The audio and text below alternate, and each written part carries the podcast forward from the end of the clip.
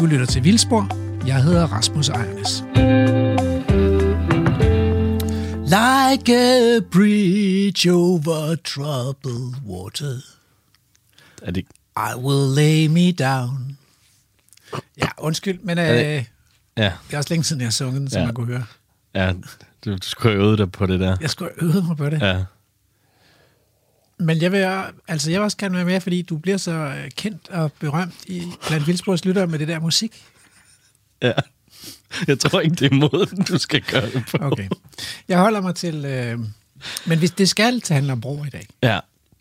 Så du var faktisk, jeg synes, det var et fint valg. det var det. Ja, hvordan det var har, men hvordan har vi det med broer? Hvordan, hvordan vi har det med Ja, bror? hvordan har du det med broer? Øh, jamen, det, det, det har jeg det meget fint med. Ja. ja. Det, Altså, sådan sådan det, du har et neutralt forhold til broer. De ligger der, og det kan være godt, når man skal køre over dem. Ja, jeg tror ikke, jeg har, jeg tror ikke, jeg har tænkt så meget over... Ikke noget ro- broromantik hos dig. Jo, jeg kan da godt synes, at Storebæltsbroen øh, er sådan lidt... Øh, sådan lidt øh, frygtindgydende, eller man bliver sådan lidt... Øh, jeg, kan, jeg kan ikke finde det rigtige over ord. det. Ja, ærefrygt, det var det Ja. ord. Ja, lige præcis. Ja, Det, det, det vil jeg sige, ja. man bliver lille. Ja, og det, det er jo et imponerende stykke arkitektur også, ikke? Jo. Og sådan lidt diset der, i et lidt diset vejr. Man Ja. ikke kan se den på afstand, og så pludselig så kommer de der Ja. Pyloner. Ja. Men jeg har været oppe på toppen af en af, øh, en af pylonerne engang. Det var helt vildt. ja. Ja, så det, det, øh, jo, det er nu, hvor du siger det. Hvad med dig? Hvad, hvad, Jamen, Jeg har det lige sådan. Jeg synes, ja. øh, det, det er øh, i modsætning til mange andre ting, vi går og laver, ikke? Øh, Lighthouse nede på Aarhus Havn. Det, er jo- det er jo bare et høj, en høj bygning.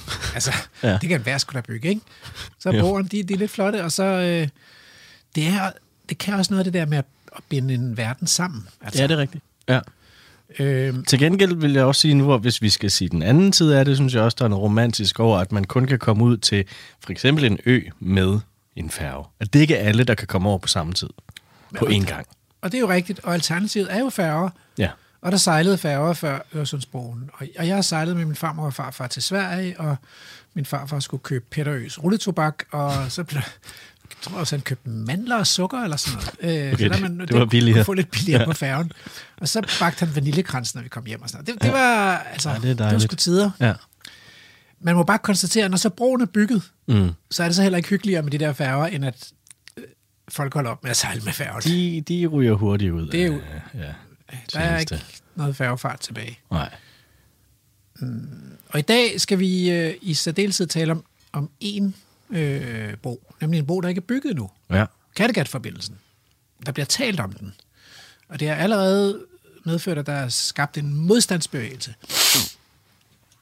mod Kattegat-forbindelsen. Ja. Men, men der er så også bare det, at alternativet, det er jo Molslinjen. Og det er jo en hurtig færge, og det er jo super energiforbrugende, og ikke særlig klimavenlig at sejle. Det er lige så slemt som at flyve, har jeg hørt. Øhm, og der var jo en langsom færge. Der havde jo god tid til en lang pause. Det tog to timer og tre kvarter at komme til Sjælland med den. Ja. Aarhus Kalundborg. Ja.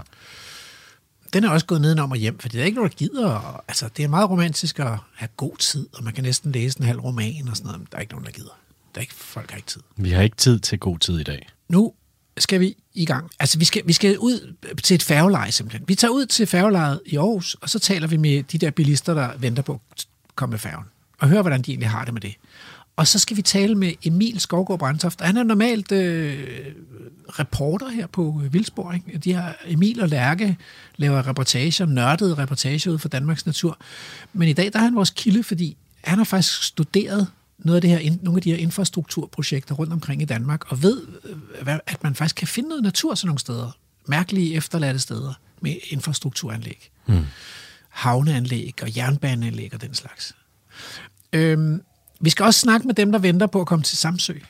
Måske tænker de anderledes om det, end dem, der bare skal over til Sjælland. Og så skal vi snakke med en borgmester. Vi skal snakke med en, øh, en del af modstandsbevægelsen mod Kattegat-forbindelsen. Og vi skal snakke med en kontroversiel person. Morten D.D. Hansen. Okay. Du behøver ikke sige så... Øh, Nej, men det er jo bare, fordi du sagde kontroversielt. Altså. jamen, det er det. Fordi han går for at være den store naturelsker. Ja. Naturens første elsker, måske endda. men, men der er nogen, der synes, han svigter naturen, når vi taler Kattegat-forbindelsen. Okay. Nå, det, det jamen det, skal må vi jo spørge ham om. Ja. Ja. Men, men det det er mange personer, vi allerede har, har sat i stilling, så jeg synes, Men vi har jo to timer. Vi skal afsted nu. Vi skal afsted. Ja, vi skal ud på reportage med Peter, Peter Løde. Løde.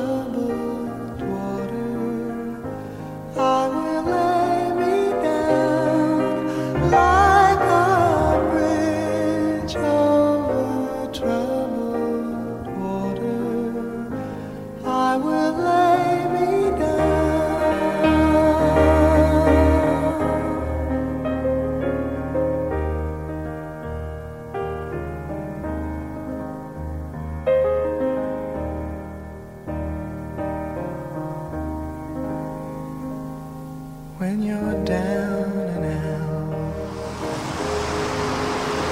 when you're on the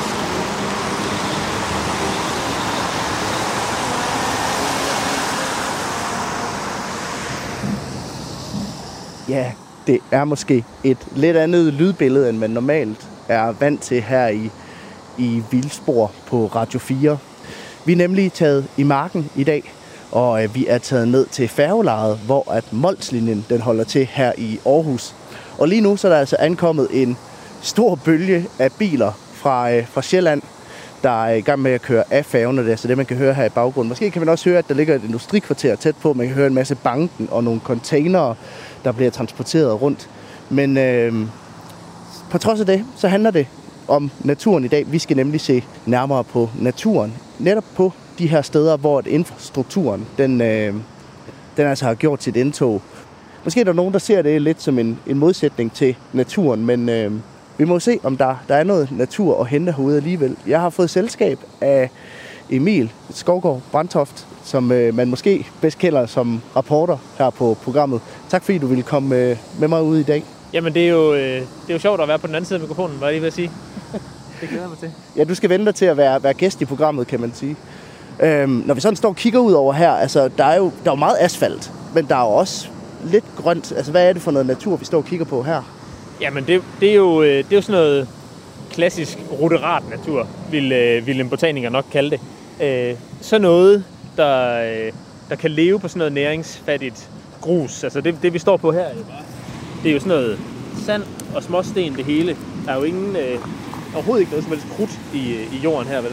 Øh, så det er sådan nogle øh, små urter, der står en, øh, en, en plante her, som jeg tænker, vi skal tale lidt mere om, der hedder øh, øh, smalbladet brandbær, hvis jeg husker rigtigt. Og så, øh, og så er der sådan øh, alle mulige andre småting. Der er noget forskellige kløverværk, og noget øh, lugtløs kamille, og øh, øh, kanadisk bakkestjerne, og noget følfod, og øh, bladene fra følfod, den blomstrer jo om foråret. Øh, men, men sådan en helt lang øh, palette af, øh, af alle mulige arter, som, som, øh, som, som kan trives i sådan noget næringsfattigt noget. Hvis jeg ikke nogen brændeller, eller, eller sådan noget den stil, vel, eller øh, lodden dueurt, eller sådan nogen, som virkelig gerne vil have noget krudt i jorden, de øh, finder ikke noget øh, levested herude. Men alle de der, alle de der andre øh, småtterier, øh, som, som, som trives på sådan noget næringsfattig jord, de, øh, de har det godt herude. Og der er jo faktisk mange forskellige, i hvert fald blomster. Øh, nu nævnte du selv den gule hernede, øh, men der er også den hvide. Den synes jeg tit, man ser netop i, i kanter på motorveje og så videre. Og nu har jeg lige plukket nogle blade fra den hvide her, og knuser dem lige for at være, og snuser til dem, for at være sikker. Øh, det, er, øh, det er den, der hedder øh, lugtløs kamille, som er sådan en, øh, en, en kurblomst med hvide, lange hvide randkroner og gule skivekroner, hedder det vist. Øh, men, øh, men, men, men det vi også ser herude er jo sådan et, et landskab, som, som er, øh, er domineret af sand og sten, og der ligger store dynger af grus og, øh, og bunker af, af store sten. Altså, øh, måske er de ikke helt øh, kampesten størrelse, vel, men sådan nogle, øh, sådan nogle marksten-agtigt noget. Øh, og, og, og sådan har det jo faktisk set ud herude. Øh, nu, står vi, nu står vi lige ved siden af der, hvor alle bilerne de, de kører fra færgen ved Molslinjen, ikke? og hele opmarschområdet for dem, der skal, dem, der skal afsted. Øh, men for måske øh, en 7 år, 10 år siden eller sådan noget, ikke? der var det jo hovedparten af hele den her øh, sydlige, østlige arm af, af Aarhus Havn, som, som så ud på den her måde. Øh, så, så der var et, der var et kæmpestort øh, levested herude for de der arter, som er tilknyttet det næringsfattige. Ja, fordi at, øh, jeg tror, Molslinjen åbnede for et halvt års tid siden. Der åbnede de deres nye anlæg herude, men det har været under konstruktion længe. Men det er også det, man kan se med de her store sten og, og, og, og store mængder grus osv. Det, er, det går ud fra efterladenskaber fra det her øh, byggeri. Altså, er du kommet her meget, mens øh, det her byggeri det stod på? øh, jeg, jeg er kommet her mindre og mindre over årene, vil jeg sige, fordi altså, mens, jeg, mens jeg stadigvæk læste, øh, jeg blev færdig øh, i 2015, og, og, og, og mens jeg stadigvæk læste, der opdagede vi det her med, at det var faktisk en ret spændende, en ret spændende naturlokalitet. Ikke? Så det, det er måske 10 år siden, det sådan gik op for mig, at, at der faktisk var noget rigtig fed natur. Øh, og så, så kunne jeg godt finde på at tage et, et lidt rigtig langt frikvarter fra specialeskrivningen, sådan en 4-7 timer, øh, fra frikvarter fra specialeskrivningen, for at komme ned og, og luske rundt hernede øh, og se, hvad der er. Og det er faktisk øh, det meste af året, man kan finde noget hernede. Øh, om sommeren har der været masser af blomster. Det, det er selvfølgelig, nu, nu, er det jo, øh, nu er det jo lige om lidt november, ikke? Øh, så selvom solen skinner, og det er en 10-12 grader her 31. oktober, så, så, øh, så er det alligevel blevet efterår. Ikke? Altså, så, så der er nogle enkelte blomster tilbage, nogle enkelte arter, der stadig blomster, men om sommeren har der jo været masser af blomster, rødkløver og harekløver har, har der været masser af hernede, og alle mulige andre øh, fine ting og sager, og med dem en masse, øh, en masse insekter, der ligesom, der ligesom har hørt til. Og om vinteren har der været masser af fugle. Det har der sådan set også været om sommeren, ikke? Men, men det her det har været et sikkert sted. Og faktisk sidste vinter så jeg også øh, snesburg lige præcis på det her areal, hvor vi står her, som er sådan en, øh, en fugleart, der yngler øh, langt mod nord øh, og kommer til Danmark om, om vinteren. Og de kan netop godt lide sådan noget. Man ser dem ellers tit ude på strandene. Og, altså, de er, det er sådan en relativt kystbunden fugl. Men tit så går de rundt sådan i, øh, øh, hvis der ligger lidt sand og sten på, på strandene, så går de rundt og roder i det, eller ude i tangbælterne, eller, eller hvis der er sådan nogle urte, urtebrammer nærmest på stranden, ikke, med masser af sådan noget høj vegetation med masser af frø i og sådan noget. Og det er jo også det, de finder herinde. Øh, sådan noget, øh, noget, noget halvåben øh, vegetation og en masse, masse frø i de planter, der står her. Det er det, de lever her om vinteren. Og, og dem, dem kunne der være mange af, så der var flokke på måske 100 eller 150 næsburge eller sådan noget. Tidligere, sidste år var der 30. Bjerglærker har der været, og sådan noget. Altså, det har faktisk været en ret spændende fuglelokalitet også. Så hele året har den haft noget at byde på. Men sådan noget som infrastruktur, det er jo måske at det, jeg tænker, der er sådan, det stik modsatte af, altså af natur. Som biolog bliver man så lidt ærgerlig, når, når sådan et område det, øh, bliver inddraget til at, at bygge et, et stort færgeleje. Altså lige præcis det her, kan man sige. Der, der er historikken jo, at øh, der, der var hav, og så på et eller andet tidspunkt, så besluttede man sig for at udvide havnen, lave den her kæmpe store øh, havneforlængelse her ud mod øh, syd og øst ud i, ud i Aarhusbugten. Og hvornår det lige helt præcis skete, det, det kan jeg ikke huske, men, men, men det fyldte man jo op, sådan et opfyldningsareal, ikke? hvor man sådan stille og roligt har fyldt det op med netop det, vi står på her, sådan noget sand og grus. Øhm, og så har man sådan over årene stille og roligt taget bidder af det. Øhm, så, så, så man kan sige, det der ligesom dannede grundlaget for den her meget spændende natur, der var herude, var hele forberedelsen til det her store infrastrukturprojekt. Med, altså, det var jo ikke givet på forhånd, dengang de begyndte at lave det, at, øh, at Molslinjen skulle ligge her. Tror jeg ikke, der har der været snak om alt muligt. Øhm, alle mulige andre placeringer. Den har også ligget inde midt i Aarhus Havn, inde på Aarhus Ø og sådan noget. Ikke? Men nu er den altså kommet herud.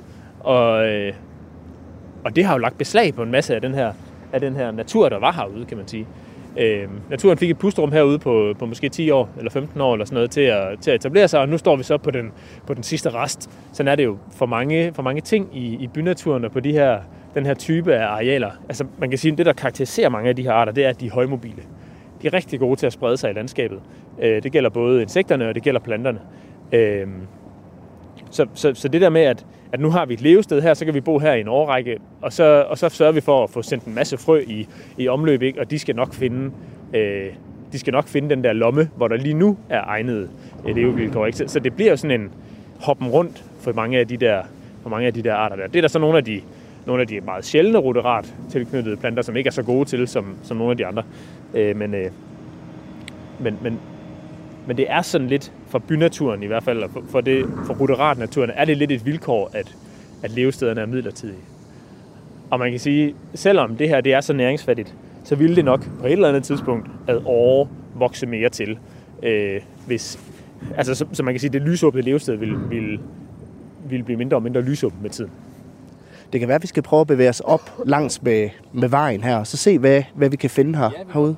Jeg håbede lidt, at der lige vil være, øh, der lige vil være en fugl herinde på, det her, på den her sidste rest af, Ja, af der, spændende havne. der er ikke mange fugle og, og ane her i, øh, i dag. Der kom, der kom et par sanglærker før, lige da vi steg ud af bilen, og jeg har hørt en ingen piber, men, men det, er også, øh, det er også det, det er blevet til i dag. Men øh, lad, os, lad os prøve at se, om, hvad der sker, hvis vi går herned af. Den her øh, gule øh, blomst, der står her, og som blomstrede, øh, altså det, hvis, man, hvis man kører ud til Molslinjen, måske en dag, mens man hører øh, Vildspor i radioen, så kan I jo lige kaste et blik ud af, øh, ud af vinduet, og øh, lægge mærke til de gule kurblomster, i hvert fald her stadigvæk et par uger endnu. Øh, der står sådan nogle gule kurblomster langs med, langs med vejene, faktisk helt fra man kører ud mod, øh, ud mod færgelejet herude. Ja, jeg, hele jeg vejen godt mærke til, at de nærmest de dækker jo hele vejsiden. Ja, faktisk hele vejen ud, ud langs med, øh, med vejen her, helt inden fra, ja, fra man nærmest forlader byen og kører på havnen. Øh, det er en lille gul kurblomst, som hedder smalbladet brandbærer, så vidt jeg husker.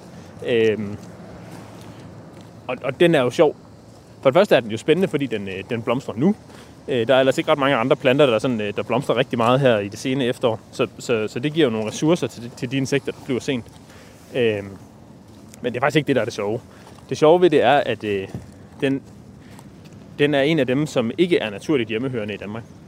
Og dem finder man i øvrigt nok en hel del af på sådan nogle arealer her, fordi de, det ligner sådan noget steppelandskab og sådan noget øh, rundt omkring, ikke? Som, som, mm. som tilbyder levested for, for rigtig mange forskellige arter. ja, der er den igen. Ja, den står her hele vejen. Øhm, den her den er oprindeligt hjemmehørende i en lille provins i det sydlige Afrika. Øh, som okay. det eneste sted på, øh, på jorden er den naturligt hjemmehørende der. Øh, og nu står den altså langs alle, på alle havnearealer i Danmark og langs alle jernbaner og på jernbaneterrænger rundt omkring og, og gør det i hele Europa og formentlig i hele verden. Den er simpelthen, øh, dens frø er blevet spredt med, med godstransport øh, rundt, så på alle de der steder, hvor der, hvor der håndteres gods på jernbanearealer eller, eller havneterminaler eller sådan noget, der står den.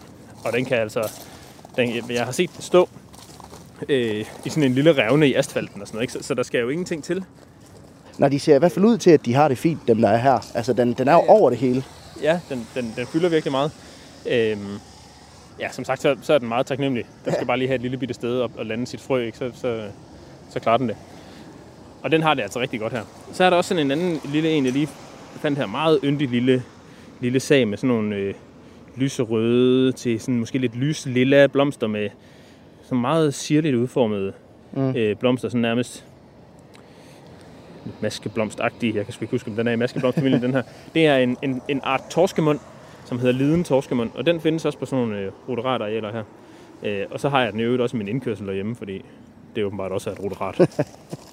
Den er glad for biler. ja, det kan være det er det.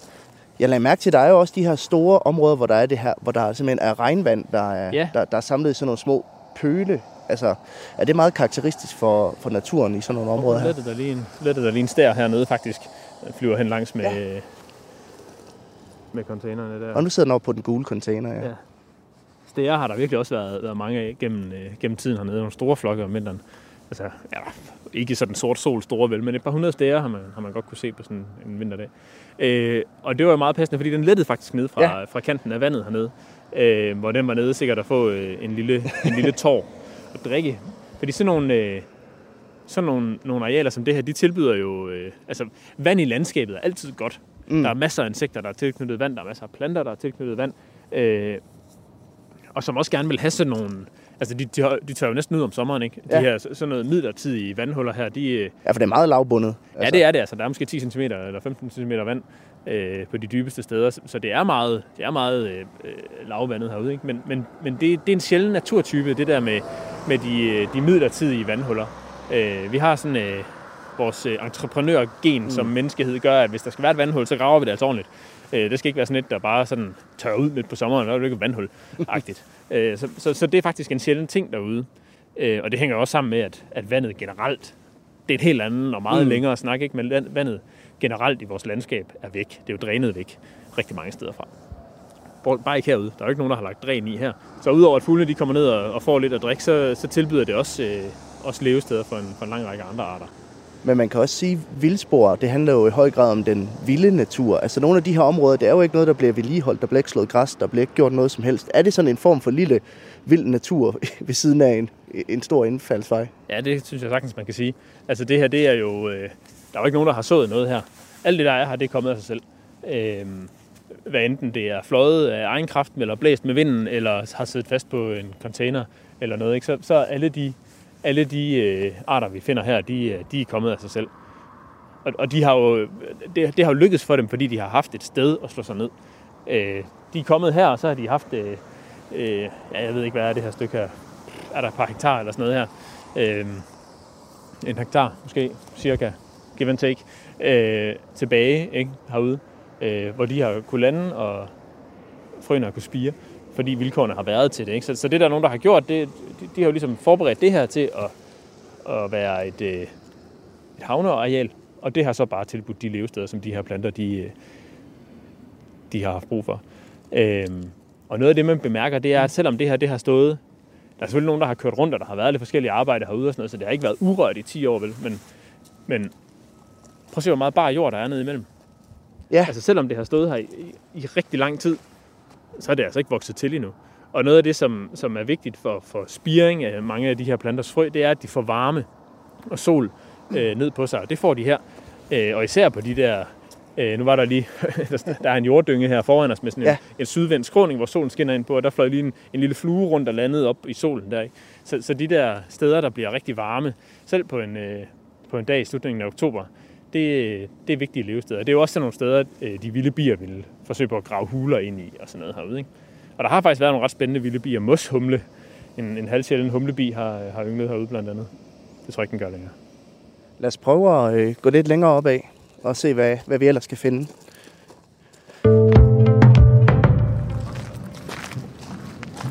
En af grundene til, at, øh, at jeg har inviteret dig herud, Emil, det er jo også, at du har været involveret i det her infrastrukturprojekt. Øh. Ja. det tror jeg lige, du bliver nødt til at forklare for lytterne, hvad det, hvad det er. Jamen altså, øh, man kan sige sådan lidt i halen af, at, øh, at vi opdagede det her, og når jeg siger vi, så mener jeg ikke mig, men nogle andre end mig, opdagede det her spændende sted hernede og på godsbanen inde i Aarhus by, hvor der jo var, øh, altså i forlængelse af ja, det store, kæmpe store godsbaneareal, som nu er sådan et, øh, øh, Det er et kultursted, kan man vist godt det kan kalde man det. vist godt kalde det. Tidligere var det jo bare et gammelt øh, rangerterræn for, øh, for jernbanedriften, kan man sige. ikke? Øhm, men der lykkedes det øh, sådan med en større formidlingsindsats, måske især fra, fra Naturhistorisk Museum og andre rundt omkring det, at, at få sat fokus på den her øh, måske lidt oversete natur, øh, der er på den her, øh, på den her slags arealer. Og så øh, lykkedes det faktisk sammen med, øh, sammen med en lille virksomhed, der hedder Habitats, at få, øh, få stablet et projekt på benene sammen med Miljøministeriet øh, og Bane Danmark om at få udvalgt et antal af, af spændende øh, jernbanearealer til at gøre en eller anden øh, naturindsats. Øh, prøv at se, her står den jo bare. Ja, den står over det hele. Den, Den øh, gule kurblomst her. Øh, smalbladet brandbær. Øhm, og i al sin enkelhed, så gik det jo sådan set ud på, at øh, vi var ude og besigtige en hel masse af de her naturarealer, og der er bare rigtig mange af dem, der... Eller naturarealer, det er det jo ikke. Eller det er det, men det er det ikke, fordi det er jo jernbanearealer. Mm. Men, men de har et ret stort naturindhold. Øhm, og vi fandt jo øh, faktisk ret mange spændende ting. Altså halvsjældne planter og masser af insekter og mas- altså masser af plantearter på, øh, på, de her, på de her områder her. Især, øh, og det, det lyder jo måske paradoxalt, men især på nogle af de arealer, som stadigvæk er, er i drift, var jeg lige ved at sige, altså som, som bliver brugt meget. Fordi hvis man, øh, hvis man giver sig til at øh, putte muld på sådan noget, ikke, så, så får man bare en masse højt græs. Og det er utrolig irriterende, hvis man skal køre med tog på de togskinner, der bliver overvokset med højt græs. Så derfor er det her næringsfattige, øh, og tit og ofte er det jo bare sådan nogle store skærver og sådan noget, der ligger, og så måske lidt grus imellem. Øh, men det, det har altså været rigtig fine levesteder for mange, mange insekter og æderkopper og sjældne æderkopper og sådan noget, vi, vi fandt rundt omkring. Øh, og så sprøjter de jo lystigt øh, på de der arealer. Det bliver sprøjtet med, med Roundup sikkert et par gange om året. Det lyder ikke særlig naturvenligt. Nej, nej, det gør det ikke. Og det betyder jo sådan set også, at der var rigtig mange af de flereårige plantearter, som havde det svært. Øh, til gengæld var der rigtig mange enårige, fordi når, øh, når de lige fik et... Øh, Se, der, der er jo masser af insekter her. ja, men det er sådan nogle, faktisk nogle øh, snyltevepse-agtige nogen, der lige sad og hvilede lidt her. Hvad er du for en? Ja, det ved jeg sgu ikke. En eller anden form for snylteveps. Men, men sprøjtningen der gjorde, at de, de flereårige arter havde det, havde det vanskeligt, men, men de enårige plantearter, de, øh, de stortrivedes. Fordi så blev der måske sprøjtet om foråret, så blev der frigivet en hel masse bar jord, og så, øh, og så kunne frøene spire der i den varme sol, og så pludselig så stod der hejernæb over det hele, og det væltede med rødplettet blåfugl, som lever af hejernæb og, og sådan nogle ting. Ikke? Og, øh, og stedmorblomsterne havde det rigtig godt, så vi så masser af storplettede perlemorsommerfugl, som, som lægger æg på stedmorblomster, som også er en enårig plantart. Ikke? Så, så på den måde var det, var, var det selvfølgelig lidt hårdt for de flereårige plantearter, men, men der var faktisk et ret veludviklet naturindhold på de arealer, der også blev sprøjtet. Øh, og det, det synes jeg var, var egentlig spændende at se. Øh, fordi sådan har driften jo været i årtier på de der arealer, ikke? Så, så det var jo ikke noget, noget nyopfundet eller, eller noget, men det tilbød ligesom en, et levested, som, som er sjældent, hvor de der, hvor de der enårige plantearter, de, de havde festen for sig selv, kan man sige.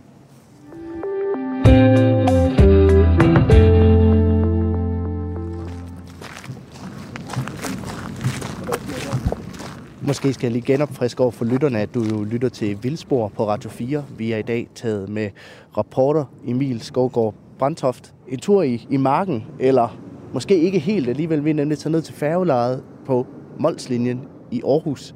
Og øh, lige nu der går vi langs med vejen øh, ned tilbage mod Aarhus fra færgen af og prøver at kigge lidt nærmere på, hvad der rent faktisk gemmer sig i, i vejkanten. Og øh, i forbindelse med infranaturprojektet, så, så lyder det jo til, at du er ude og, og kigge øh, på en masse øh, forskellige infrastrukturer, øh, hvad kan man sige, hotspots. Altså, hvad overraskede dig mest at finde nogle af de her steder? Altså, vi, vi havde jo fået en idé om, inden vi kastede os ud i det projekt, at, at, at der kunne godt være ting. Øhm, men men noget, noget af det, jeg har oplevet, det var faktisk et andet projekt, hvor jeg har været med til at kortlægge natur langs med jernbanen, sådan ude i, på, på strækningerne, kan man sige. Øhm, der har jeg fundet på sådan en øh, tilfældig jernbaneskrant et sted, har jeg fundet mariehønæderkop for eksempel, som er en ret sjælden, øh, en ret sjælden æderkop, som, øh, som, som har det svært. Altså, men der var sådan en, øh, en, en mere eller mindre sydvendt øh, skråning der, med, som med, med masser af blottet jord og, øh, og lidt, lidt forskellige, lidt lyng og lidt sådan nogle ting på. Og der var, øh, der fandt jeg mariehønæderkop. Øh, så så det, det er klart en af de, de mest overraskende ting. Men altså på, på arealet, godsbanearealet inde i Aarhus, der har jo også levet en, en, øh, en æderkoppeart, der hedder øh, rubinrød seksøjespinner. Øh, meget, mundret, navn, ja. meget mundret navn. Men Den er rød, rubinrød, og den har seks øjne, hvor det, og det skal man måske vide lidt om æderkopper. De har, øh, det, det er måske lidt usædvanligt kun at have seks, seks øjne, hvis man er æderkop. Øhm, men den, øh, den trives altså der sammen med rigtig mange, rigtig mange andre skovarter. Øhm, men jeg tror, det der overraskede mig mest egentlig var at se, øh, hvor man kan sige, på trods af sådan en ensartet drift øh, fra de forskellige arealer der rundt omkring, forskellige jernbanearealer og rangerterrænger og sådan noget, de blev driftet meget på samme måde, men alligevel var indholdet egentlig rimelig, rimelig forskelligt. Øh, Nu har vi bevæget os over på den anden side af, af vejen. Nu står vi ud mod, ud mod vandet. Og det er, jo, det var faktisk lidt anderledes natur herover. Altså, der er meget, der er nogle store sten og nogle skaver og lidt græsarealer og så videre. Altså, øh, adskiller naturen på den her side sig fra den, vi, vi lige har kigget på over på den anden side? Ja, altså det kan man sige, den gør. Og når jeg lige øh, sådan øh, trækker os lidt med herover, så er det fordi, jeg egentlig var nysgerrig på, hvad der stod herude i midten. Øh, ude i midterrabatten her, og, og i rabatten mellem cykelstien og, og indkørselsvejen til, øh, til færgeterminalen der. Øh, fordi det, man kan godt, når man ser på det, så ser det anderledes ud. Det ser på en eller anden måde lidt mere velordnet ud. Og lidt. Men samtidig er der også, øh, kan man også godt se, at der er forskellige arter derude. Ikke? Der er forskellige nuancer af grønt og brunt og alt sådan noget. Det er ikke bare, det er ikke bare ensartet, men, men det har et andet udtryk end det der helt rodede, vilde mm. over på den anden side. Ikke? Øh, og det her, det ligner helt klart noget, hvor nogen har sået en eller anden øh, vilde blomster- og frøblanding ud i det her, da de anlagde den her midterrabat. Og det er jo en, øh, det er jo en anden måde at gå til det på. Og, og, og sådan meget i den der vild med vilje øh, ånd, kan man sige, hvor, hvor man har valgt at sige, Øh, vi har en midterrabat, vi ved måske godt, vi har måske godt hørt om den der vilde natur, der var herude, eller spændende natur, der var herude, inden vi kommer og laver vores øh, øh færgeterminal om på det. Øh, så nu gør vi et eller andet. Og de har så ikke bare ville lade det stå til og komme af sig selv, øh, men, men de har så sået, der er masser af kællingetænder, noget blæresmælde og øh, øh, hvid okseøje, og øh, der står røllike og sådan noget. Så, så, så det er jo sådan set meget fint.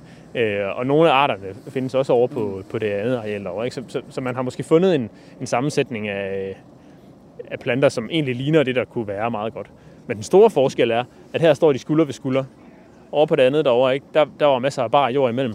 Og så er der jo øh, lidt længere her, øh, lidt fra os her, der, der er så et areal, hvor man har forsøgt på at lave noget, der ligner klitter nærmest. Ikke? Der er, det er sand og, og sandhjelme, der er, øh, der, der er plantet der. Der ligger nogle store sten og sådan noget. Ikke? For så, det er selvfølgelig måske også lige for at bryde det lidt og, og vise noget andet. Øhm, men noget af det, som sådan nogle havneudvidelser her, og sådan nogle havnaturprojekter kan, det er jo også hele vejen inden fra tankkrogen ind i bunden, og så hele vejen ud til spidsen herude. Jeg ved ikke, hvor langt det er, men der er nok halvanden kilometer eller et eller andet. Det er jo et langt stenrev. Ja. Øh, med de her moler, der er, eller den her kæmpe mole af store sten, der ligesom er, er smidt ud her. Ikke? Så, så for havnaturen, øh, for havnaturen bidrager det helt klart også med nogle ting. Det skaber jo sådan nogle, øh, nogle forhold herude med masser af tang og, og alt sådan noget, som er godt til opvækst af, af fiskeyngel. Jeg tror, det blev alt, hvad vi nåede i dag. Emil, tusind tak, fordi at du øh, havde lyst til at gå en tur med mig herude i, i rabatten. Jamen, det er jo altid spændende at komme herud. Altså, det er jo åh, et hjertesuk. Jeg har jo set, hvordan det er blevet mindre og mindre, det herude, ikke? Øh, gennem årene, men, øh, men, øh, men der, er der, stadigvæk, øh, der er der stadigvæk lidt at komme efter herude. Og man kan da godt forestille sig, at når det lige begynder sådan at blive, blive koldt, så, øh, så indfinder snesburene sig herude på arealet igen. Det tænker jeg da. Må hellere komme ud og kigge efter dem.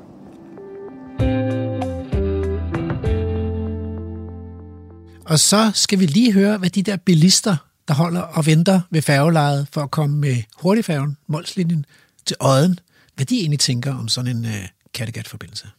Bagefter så skal vi snakke med borgmesteren på Samsø. Du lytter til Radio 4. Hvor er du på vej hen? Jeg er på vej til København. Hvor øh, tit kører du med Molslinjen? Det gør jeg rigtig tit, fordi jeg er pendler. Jeg arbejder i Jylland og bor i København. Ja, Du vil ikke øh, hellere tage bilen over øh, til København? nej. Jeg synes, øh, jeg er ikke for Kattegat-forbindelsen. Jeg synes, det er dejligt med en lille break og en kop kaffe. Ja, Hvorfor ellers tænker- tænker du ikke, en Kattegat-forbindelse vil være godt?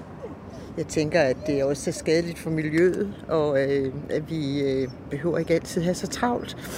Ja, der er mange mennesker, der lige så meget pendler mellem Jylland og København.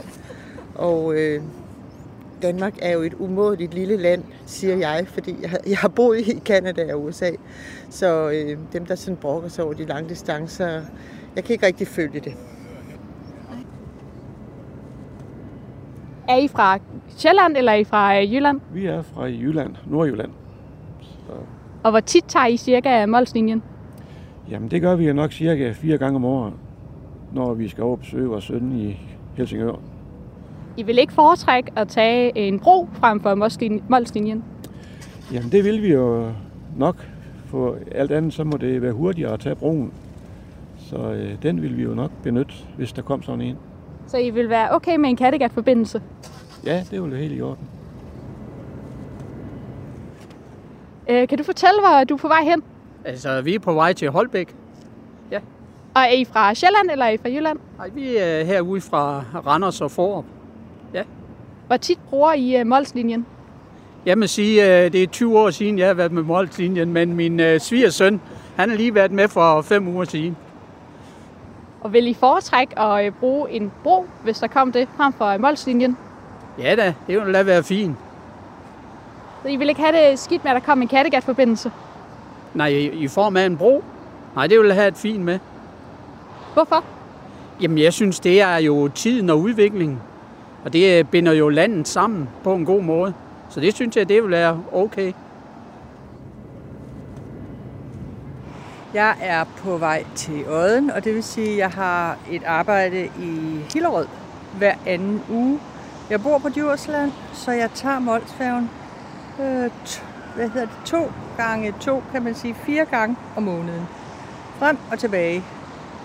Og du vil ikke foretrække at bruge øh, Storebæltsbroen frem for Molslinjen? Øh, Det gør jeg en gang imellem. Det er sådan lidt tidsmæssigt, men normalt, fordi jeg møder så hver kl. 14, hver anden mandag, og så er det forskelligt, om jeg har bestilt færge hjem fredag eller lørdag. Men jeg er meget, meget glad for denne overfart. Og hvad vil du tænke om en eventuel Kattegat-forbindelse? Vil du bruge den? Øh, sandsynligvis. Ja, ja.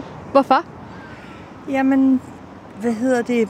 Jeg synes måske ikke, vi har brug for den, fordi det er sindssygt mange penge, at øh, sådan noget, når det skal etableres. Så, øh, men øh, hvis den er der, vil jeg sandsynligvis bruge den. Ja. Øh, det kan være, at I vil starte med at fortælle, øh, hvor I er på vej hen. Jamen, vi er på vej til Kalundborg. Uh, vi skal ind og se Stormester.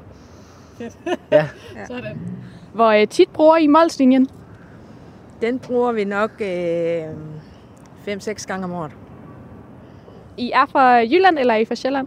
Vi er fra Jylland. Vil I foretrække normalt at bruge øh, Storebælt, eller at flyve til øh, Sjælland? Nej, egentlig Nej, ikke. vi vil foretrække færgen. Det er hyggeligere. Hvad med en eventuel Kattegat-forbindelse? Er det en, I vil bruge? Det tror jeg bestemt, vi vil. Ja, højst sandsynligt. Og hvorfor det? Fordi det bare er nemmere. Ja, bestemt. Ja. For vores vedkommende, vi bor på Djursland. Jeg tænker ikke, der er nogen problemer med en eventuel Kattegat-forbindelse. Ikke umiddelbart. Næh. Ikke hvad vi ved af. Kan du starte med at fortælle, hvor I er på vej hen? Jamen, vi er på vej til København. Er I fra Jylland eller fra Sjælland? Nej, vi er, vi er jyder. Ja, det er vi. I foretrækker ikke at bruge Storebæltsbroen eller flyve over til Sjælland? Jo, men øh, det gør vi også samtidig. Men her er så dejligt, så får man lige et bitte øh, afbræk. Så det er sådan set udmærket. Hvor tit vil du sige, I bruger Molslinjen? Ja, det går vi en 3-4 gange om året. Hvis der skulle komme en eventuel Kattegat-forbindelse, vil I bruge den, og hvorfor? Det kommer, det kommer lidt an på, hvordan og lidt hvor det ligger henne. Øh, ja, måske. Jeg tænker ikke, der er nogen problemer med en eventuel Kattegat-forbindelse, det, det skulle blive bygges. Det kan jeg ikke se, det er. Men, jamen, nu bor jeg ikke her, så, så jeg kan ikke sige, at der er nogen, nogen øh, altså, at der skulle være noget, noget, hvad hedder det, øh, der skulle være noget, fordi, altså, ja, det ved jeg ikke, altså, det, øh, jeg synes bare, det var dejligt, jo hurtigt vi kan komme fra den ene ende land til den anden, det skønne er jo.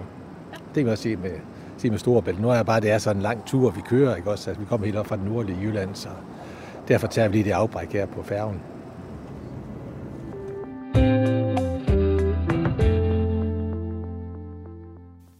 Jamen altså, øh, så har jeg fået hul igennem på en Teams-forbindelse til øh, Samsøs borgmester, Marcel Meyer. Velkommen til Vildsborg. Ja, tak.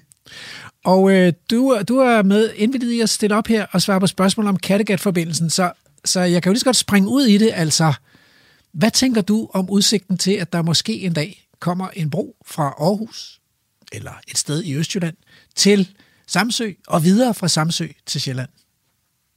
Ja, altså jeg kan tale på de fleste samsingers vegne, når jeg siger, at det synes vi ikke om. Og det er der flere forskellige grunde til. Men for mig at se, øh, er de to vigtigste. Det er for det første, at rigtig mange arbejdspladser på Samsø, de er afhængige af turisme. Og det vi kan levere af turismeprodukt på Samsø, det er jo en, ja, en ø, en ø det er sådan et, et temmelig isoleret sted, øh, med fantastiske strande, en, en flot natur, en stillhed, en, en nærhed i samfundet, øh, som man har svært ved at finde andre steder i Danmark. Og hvis vi får en Kattegat-forbindelse, og den er projekteret til at gå tværs hen over øen, som vi jo er rigtig, rigtig ked af, øh, Øh, så vil man kunne høre øh, en motorvej, kunne se en motorvej, øh, stort set overalt, hvor man er på Sydøen. Og for os betyder det, at vi, vi slet ikke kan levere det turistprodukt, øh, som vi kan nu. Og den anden del, det er, det er hele bosætningsdelen.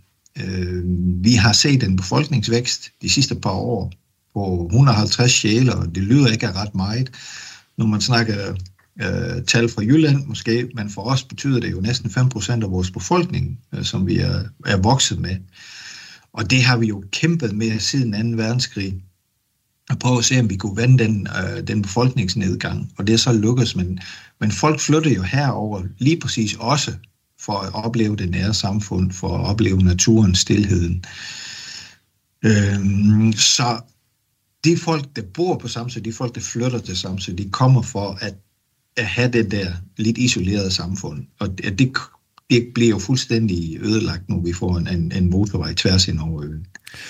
Men, men altså, kunne man ikke også forestille sig den modsatte effekt, at I kunne få del i det der øh, øh, frådende udviklingsmirakel, der er i Østjylland, øh, hvis motorvejen kom, så I blev en, en mere sammenhængende del med, med Østjylland og få, kunne få gavn af den vækst og udvikling, der er i, i det østjyske?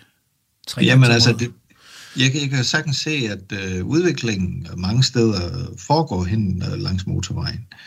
Og man kunne også forestille sig, at der vil kunne bosætte sig pendlere på Samsø, som, øh, som har noget øh, aktivitet både i København og i, i Aarhusområdet for eksempel, øh, som så kunne bo her midt, midt imellem de to byer. Men det vil jo være et, nogle, nogle helt andre øh, befolkningsgrupper, end vi har bosat på Samsø i øjeblikket. Mm. Så, så dem, der bor herover øh, er jo ikke dem, der søger øh, den slags samfund. Og, og, og stadigvæk vil vi jo have svært ved at levere det turismeprodukt, som, som vi kan nu. Øh, plus, at, og det, det, er næsten, det er næsten lige så slemt, altså, hvis nu man sætter sådan et projekt i gang nu, så står den måske færdig om 20 år, så kan man om 20 år finde en, en anden udvikling på øen. Men i den mellemtid, der er, øh, kommer det jo ikke til at ske alverden herover. Øh, og, og dem, der, der bor på øen, nu de søger måske væk, og vi får ikke de der tilflytter, som vi egentlig gerne vil have herover øh, i det samfund, som vi kender det i dag. Så altså, men, men hvad vil du så sige, hvis jeg, hvis jeg så udfordrer lidt og så siger, men er det ikke bare den klassiske not in my backyard tilgang, altså at når der er nogen, der kommer og, og udfordrer et lokalsamfund med forandringer, så siger lokalsamfundet, nej tak, fordi vi har det lige, som vi gerne vil have det.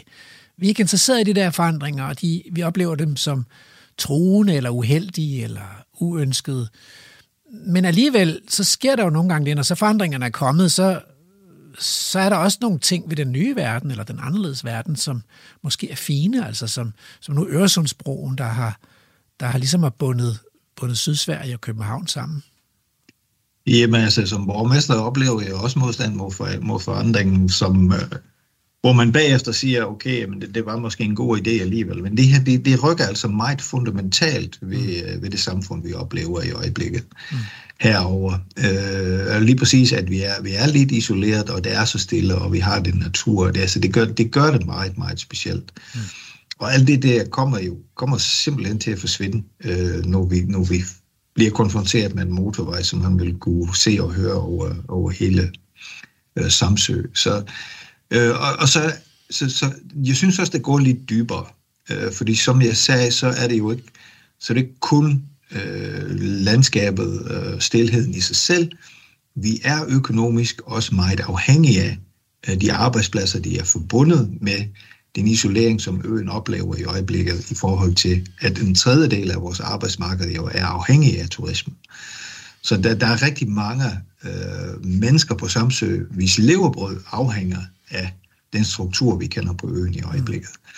Og så, så det er heller ikke, vi ikke, fordi vi ikke ønsker en, en forandring, og, og jeg synes også, det har en værdi, at vi, vi knytter os tættere på, på Jylland, og vi har kunnet se det med den, den øh, nye færgeforbindelse, vi har lavet til Aarhus, som jo har gjort det muligt at bo på Samsø og pendle til Aarhus for at få tage en uddannelse eller arbejde, øh, som jo nok også har været en del af forklaringen til, at vi har oplevet den befolkningsvækst, øh, som, som vi oplever i øjeblikket. Mm. Så det er simpelthen ikke det, at, at vi ikke gerne vil knytte os på, øh, på fastlandet, eller vi ikke ønsker nogle forandringer, men, men det skulle jo gerne være i tråd øh, med den måde, øen er i øjeblikket.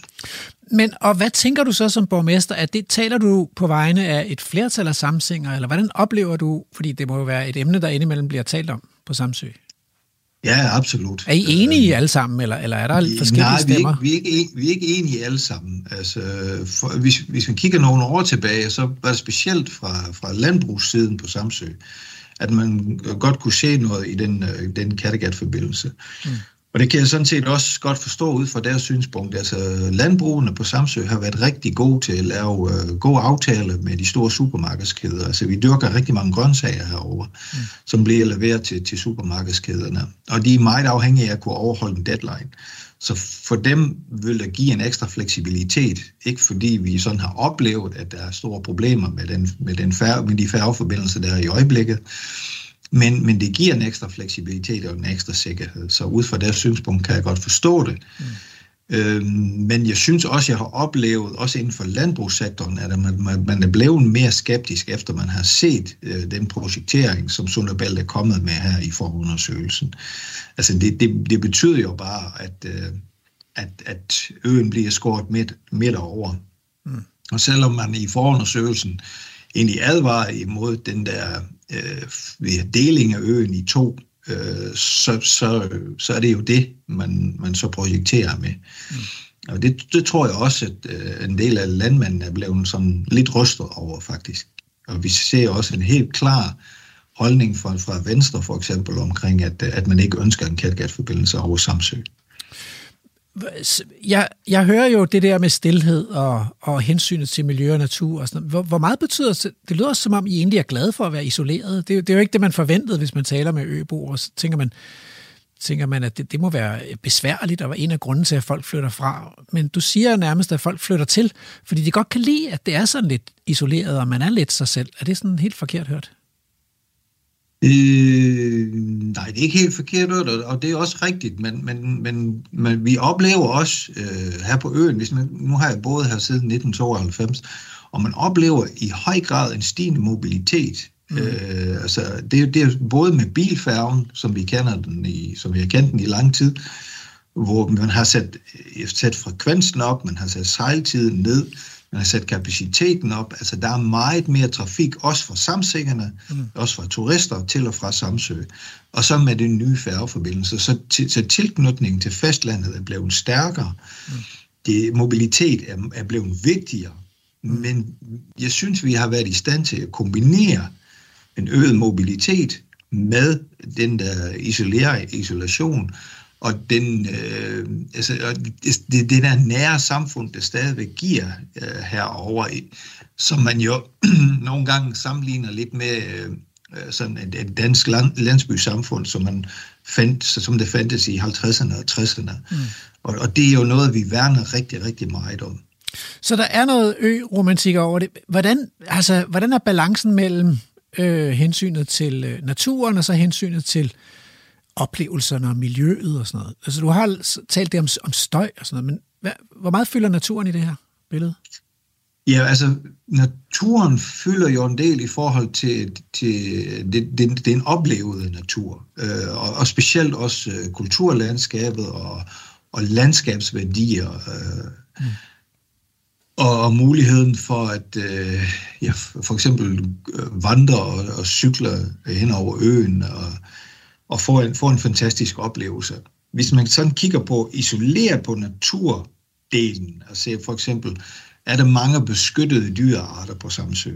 Øh, det, det, det, det, det tror jeg måske øh, spiller med i, i mindre grad. Altså, vi har nogle grønbrogede tusser, men ellers så finder du jo, uh, du finder harer, rådyr, øh, og så diverse insekter og planter herover, som ikke på syden adskiller sig utrolig meget fra det, man finder i resten af Danmark. Mm. Det, det man så til gengæld vil se jo, det er, at sådan en motorvej igen kommer til at skære sådan et, et rimelig begrænset område midt over, hvilket jo også må dele naturen op egentlig i to dele i forhold til nogle af de større dyr i hvert fald. Jo, det er klart, ja. ja. Og det, det tror jeg også vil være en, vil være en ulempe. Ja. Ved du hvad, øh, Marcel øh, Meyer, borgmester på Samsø, tusind tak for at gøre os lidt klogere på, hvad I går og tænker derovre på øen om en potentiel Kattegat-forbindelse. Tak for det. Ja, selv tak.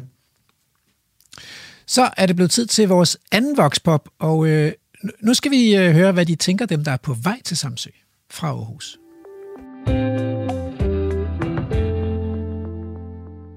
Kan du fortælle lidt om, hvor, hvor tit tager du færgen til Samsø? Det gør jeg næsten hver dag. Men øh, det skifter mellem Lilleøre og færgen Isabella, som ligger TVH. Afhængig af, om jeg skal have min bil med. Bor du på Samsø, eller har du et sommerhus på Samsø? Jeg bor på Samsø. Ja, ja der er jeg boet det sidste år. Og er du glad for færgen, eller kunne du godt tænke dig, at der kom en bro? Er det primært Lilleøre? Jeg er meget glad for færgen, og det er jo en af årsagerne til, at vi også flyttede øh, det over. Ikke? Og jeg er bestemt ikke fortaler for broen. En af årsagerne til, at vi flyttede over, det var jo, at at der netop ikke er nogen landforbindelser, hvis man kan sige det sådan. Ikke? Altså, det er jo den specielle fred og, og ro og samhørighed, et øliv giver, og natur og alt, hvad det indebærer. Ikke? Så det, vil jeg, det, det, det, det er jo det, vi, de fleste af os stort set sætter pris på. Ikke? Jeg kan forstå, at erhvervslivet synes, det kunne være interessant i, i, i store sammenhæng, ikke? men i det overordnede sammenhæng synes jeg, nej tak. Altså, du ville kunne komme hurtigere hjem, hvis der kom en Kattegat-forbindelse, men det betyder ikke noget for dig? Fordi jeg planlægger min tid efter det. Øh, og det er rent faktisk muligt, hvis man, men, men gør sig det nu og at prøve at planlægge efter det. Ikke? Øh, og selvfølgelig er det også et privilegium at kunne sige det. Men øh, for mig er det øh, også noget at gøre med, at der er nogle værdier i det her, som er vigtige at sætte i spil. Ikke? Øh, det er ikke kun økonomi, og, og, og det, det, det, det at sidde på færgen, det betyder også, at du selv, du, du, der falder ro på. Ikke? Jeg er vant til at køre i en bil en time om dagen. Det her det har gjort, at jeg synes, det er meget mere ustresset at komme på arbejde. Så det har været et stort plus for mig. Og også min mand, for den sags skyld. Så nej tak. Er du fra Samsø, eller er du bare på besøg? Jeg bor på Samsø. Ja. Ja. Så du øh, bruger den hver dag i færgen? Ja, jeg arbejder i Aarhus, så jeg pendler frem og tilbage hver dag, ja. Og hvordan har du med færgen? Er du glad for den? Jamen, jeg er super glad for den. Det giver sådan en fin pause i hverdagen. Man kan bare sidde og slappe af og læse, eller hvad man nu har lyst til. Ja. Og hvad tænker du om, hvis der nu skulle komme en Kattegat-forbindelse? Hvordan vil det påvirke dig? Jeg tænker, det vil være trist. Øh, Jeg tænker, at er det virkelig rigtigt, at vi skal køre flere biler? Og, altså jo, fint nok, hvis man kunne køre det udenom Samsø, og det bare var i togforbindelse. Men vi skal vel ikke til at have mange, mange, mange flere biler ude på vejene. Hvad tænker du, at bilerne vil gøre ved øen? Øh, Altså, hvis man vil drive det hen over øen, så, så kommer til at dele øen i to. Kommer også til både om, ned omkring og hov og Odder og ødelægge. Det kommer til at ødelægge over i Røsnes. Der kommer til at være rigtig meget støjgene.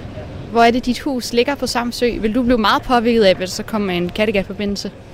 Altså, mit øh, hus ligger i Åndsbjerg.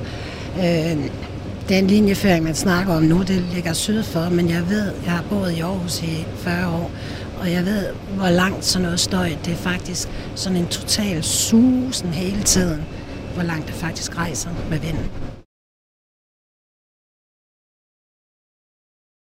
Er du fra Samsø, eller bor du her i Aarhus? Jeg bor på Samsø. Jeg bor på Samsø. Øh, der har jeg boet i 18 år, og tænker på at flytte derfra.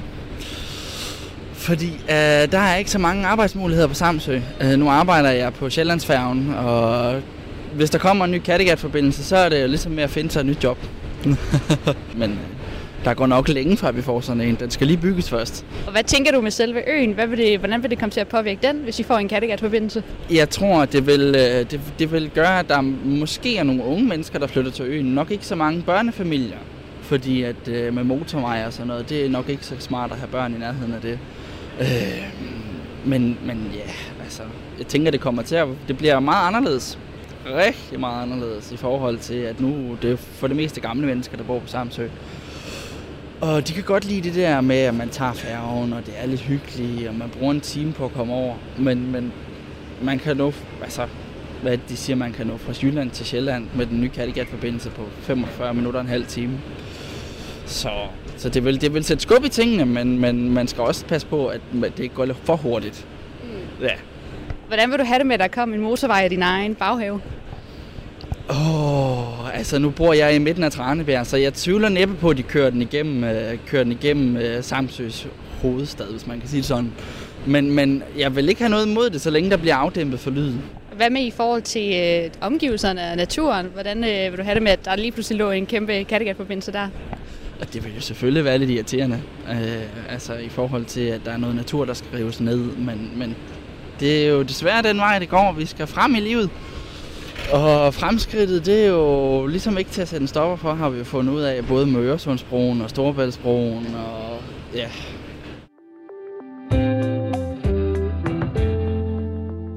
Så er første time simpelthen slut. I næste time, der skal vi høre fra de øh, indædte modstandere, der har sluttet sig sammen for at undgå en Kattegat-forbindelse. Og vi skal høre fra en kontroversiel biolog. Og så har vi jo det traditionelle afsnit om de store fortidsdyr og spade for en spade. Så vi ses i anden time. Du lytter til Vildspor. Jeg hedder Rasmus Ejernes. I første time af dagens afsnit, der har vi lige snuset lidt til den her problemstilling med en Kattegat-forbindelse. Og det har vi jo ved at interviewe nogle af de borgere, der er på vej over Kattegat med færge, enten på vej til Samsø eller på vej til Odden. Vi talte også med Samsøs borgmester, som kunne melde, at over for øen, der var man glad for at være en ø, og havde ikke trang til at blive koblet sammen med fastlandet. Jylland eller øen Sjælland. Så nu skal vi dykke lidt mere ned i det her, så vi skal simpelthen tale med øh, øh en forening, som er modstandere af øh, Kattegat-forbindelsen. Og foreningen hedder øh, Andrew, for fanden. Nej tak til Kattegat-forbindelse. Der er en til, er der ikke det? Nej, det er den samme, de er bare blevet sammenlagt. Så der er kun en. Der er kun den. Det er Dem måske kan- også nok. Det, det, det er det sikkert, men ja. det er godt, de har samlet kræfterne. Vi skal snakke med Anna Dyrvig. Og bagefter skal vi tale med Morten D.D. Hansen, som er kommet noget fra asken i ilden, hvis han kan det, øh, ved at, at sige, at det er nok ikke det store problem for Danmarks natur med sådan en forbindelse. Men det bliver han nødt til at uddybe. Og så vil jeg gerne lige bringe en, en øh, hvad hedder det, en korrektion. En servicemeddelelse? Det hedder Kattegat-forbindelse Nej Tak. Okay, det er det, den Så hedder. det, synes, det Så er det- vigtigt. Ja, skal det rigtigt. Kattegat-forbindelsen, nej tak. Nej tak. Sådan. Og så skal vi selvfølgelig have de sædvanlige indslag. Vi har jo en serie i gang om fortidens store kæmpedyr. Dem, vi fortsætter serien i dag. Mm, ja.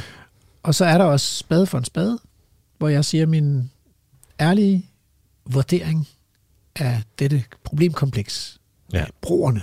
Ja. ja. Så må der også være gået en time. Så, er så, så er der også gået en time. der. Så øhm, lad os kaste os ud i det og se, om vi kan få hul igennem til Anna Dyrvig. Ja. Nej, er hun, hun, kommer, hun kommer ind i studiet. Kom det? Vi har faktisk en gæst i studiet. Der kommer et stort hul igennem. Hun kommer simpelthen ind igennem døren Et- til studiet her. Lige om lidt. Ej, hvor er det dejligt. Ja. Du lytter til Radio 4. Så, nu har jeg fået besøg her i studiet af Anna Dørvig, og du kommer og repræsenterer øh, bevægelsen Kattegat-forbindelsen. Nej tak. Ja, foreningen. Foreningen. Ja. Og, og øh, vi, det, det var ikke helt klart for os, om der var én forening, men du siger altså, øh, at der er faktisk flere bevægelser imod den her Kattegat-forbindelse. Ja, der er øh, nogle sådan lokale foreninger, og så er der så denne her forening, som jeg er en del af, som er landsdækkende, som Okay. okay. oprindeligt startede som en lokal forening, øh, Østjyder mod Kattegat-forbindelsen, og så øh, på et tidspunkt mente vi, at tiden var til at gå landsdækkende, fordi vi kunne se, at der var modstand steder i landet, som ikke bare var Østjylland for eksempel. Altså, Mm. så kom vi frem til, at vi ville skifte navn. Så nu er, hedder vi Kattegat-forbindelsen. Nej tak. Mm. Øh, og jeg tror, at vi har øh, både medlemmer stadigvæk, som er forankret i det østjyske, men vi har også medlemmer, som for eksempel sidder i København eller Nordjylland, for den sags skyld. Så øh, det tror jeg var den rigtige beslutning. Så hvis man vil melde sig ind i foreningen, så, så googler man jer bare, så finder man jer, og så kan man... Det gør man. Okay. Og, og hvordan er du involveret? Altså er du en slags formand eller talsperson? Eller hvad, hvad? Ja, jeg øh, er vist noteret som talsperson, og så er jeg næstformand. Okay. Mm. Næstforperson. Ja. Hvorfor gider du bruge tid på det? Øhm, jamen det gør jeg, fordi jeg synes, det er en vigtig sag, og fordi at jeg tror for mig, så er det et symptom på øh, nogle ting i samfundet, som jeg generelt øh, mener, at øh, vi trænger til at få et nyt syn på. Altså de her store infrastrukturprojekter. Øh, Kattegat-forbindelsen øh, vil blive et af Danmarks historiens allerstørste anlægsprojekter, hvis det skulle blive vedtaget. Mm. Og øh, det synes jeg slet ikke taler i den tid, som vi lever i. Right. Hvor mange er I? Vi er omkring 1700 medlemmer i foreningen, og så sidder vi i en bestyrelse på fem. Hvor bor du selv i landet? Jeg bor lige syd for Aarhus i en lille by, der hedder Testrup. Mm-hmm. Ja. Jeg har en højskole. Ja, helt rigtigt. Godt. Øh, men, men nu skal vi høre, øh, ikke om Testrup, men om, om jeres argumenter. Altså, hvor, hvad er det, og du har ligesom allerede taget hul på det, at det bliver et kæmpestort infrastrukturprojekt. Mm. Men, men er der andre argumenter, eller og er I, altså, har I sådan en liste med argumenter imod det her projekt, eller hvad betyder mest? Ja, hvad betyder mest? Øhm, vi har en, en række argumenter, som, som vi mener øh, gør det klart, hvorfor den her forbindelse ikke skal vedtages, mm. og heller ikke skal bruges yderligere penge på at undersøge, faktisk. Mm. Øhm, men altså et af argumenterne øh, er jo, at øh, vi står i en klimakrise, og sådan som beregningerne er lige nu, så står det her øh, projekt bare i anlægsfasen alene til at vi udlede 3 millioner tons CO2. Og så i driftsfasen øh, vil det stadigvæk øh, være CO2-udledende, fordi at øh, de beregninger, som oprindeligt blev lavet på det her projekt omkring, at når man skal de der ekstra kilometer, kørte kilometer øh, ned over Fyn fra, så, så vil det ligesom gå op med sig selv. Øh, det er ikke længere tilfældet, fordi den vil først stå færdig om 15-20 år. Gud forbyde det. Øh, og det vil betyde, at de fleste biler er eldrevne på det tidspunkt, som ikke udleder i samme øh, grad CO2, som, som fossil, øh, fossilbiler gør, som vi kører i dag. Så, så det er et af argumenterne, det er, det er øh, altså, i forhold til et klimaperspektiv. Og, og, og der, derunder hører også, at, øh, at sådan et projekt her øh, kan ikke bare isoleres til at være en Kattegat-forbindelse, som, som har et stort motorvejsstykke på Sjælland, og så hen over havet, Samsø, hen over havet igen, og så ind der ved, ved Dyngby Strand, og så her igennem det østjyske. Det er jo ikke bare det. Det kommer også til at kræve øh, tilkørselsveje og udvidelser af andre øh, veje og andre infrastrukturprojekter, som på en eller anden måde vil høre med. Og det er på en eller anden måde en, øhm, øh, en årsag til, at der vil komme endnu flere biler på vejene. Altså der vil komme et kæmpe trafikspring øh, mm. med sådan en forbindelse, som, som vi også mener, at det er det helt forkerte retning at gå i forhold til den klimakrise, vi står i. Så, så det er klimaet, der er den primære Nej, der startede jeg bare. der er også, øh, der, der er også, ved klimaet hører også biodiversitetskrisen og selvfølgelig naturen, som vi måske skal snakke lidt mere om bagefter. Men, Jo, altså gerne, ja, også Ja. det. men jeg vil også lige nævne økonomien. Ja. Altså det er sådan, at øh, på sådan nogle infrastruktur øh, megaprojekter, som det her det er, der, øh, der har øh, Ben Flyvebjerg, som er øh, trafikforsker, lavet beregninger på, at sådan nogle projekter går øh, langt de fleste gange over budget. Mm. Og gennemsnittet er 27 procent over budget. Og nu er forbindelsen, hvis det er en kombineret øh, motorvej og højhastighedsbane, øh, så, så ligger budgettet på 110 milliarder.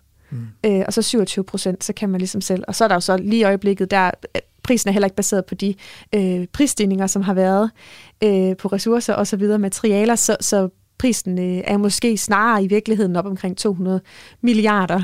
Øh, det synes vi er et bare meget voldsomt beløb også at bruge. Øhm, og, så, og så er der et, netop et argument for, at øh, hvorfor vi skal have den, som siger, at det skal binde landet sammen. Og, og det tror jeg bare, at, at det her med, med økonomien også peger sådan lidt væk fra, fordi øh, det er Storebæltsbroen, som skal finansiere en del af det, udover at den skal være brugerbetalt. Og, og hvis Storebæltsbroen skal finansiere noget af det, så betyder det jo stadigvæk, at der sidder nogen nede på Fyn, for eksempel, som skal betale for, at folk skal køre hurtigere øh, over en Kattegat-forbindelse, og som egentlig øh, betaler prisen, vil de stadigvæk ikke er forbundet, havde, havde jeg sagt, frit til Sjælland, øh, hvis det giver mening. Mm. Øhm, så der er også et, et øh, økonomisk øh, aspekt, og så, øh, og så er der selvfølgelig øh, det aspekt med, som jeg sagde før, med det kæmpe trafikspring, der vil blive, Mm. og trængsel. Altså, der er en masse udfordringer, som en Kattegat-forbindelse ikke vil være en løsning på, men faktisk fører flere med sig. Men er der ikke også nogle positive ting? Fordi jeg kan huske, at øh, for mange år siden, da jeg blev gift, det, det er virkelig mange år siden, der havde jeg sådan en t-shirt, hvor der stod Stop broen. Ja. Det var så Øresundsbroen, så den var jeg så modstander af. Siden har jeg været med i Østjyder mod overflødige motorveje. Men altså, jeg synes jo, det, det er dejligt med de der broer, altså Øresundsbroen og Storebæltsbroen, og, og jeg har fået en motorvej, Djursland motorvejen tæt ved, hvor jeg bor. Det er jo meget praktisk, når man skal køre nordpå, eller køre sydpå, eller sådan, noget. man lige kan springe på motorvejen ved Hjortshøj. Øhm, jamen, jeg tror bare, altså, vi møder tit argumentet, der var også en masse, der var imod Storebæltsbroen dengang. Og nu elsker alle Storebæltsbroen. Men jeg tror bare, at Storebæltsbroen var et helt andet tilfælde. Altså, det var en anden tid. Mm. For det første, så kendte vi ikke de der klimamæssige konsekvenser af vores øh, bilisme. Øh, og, og samtidig så, så lå der allerede to motorveje.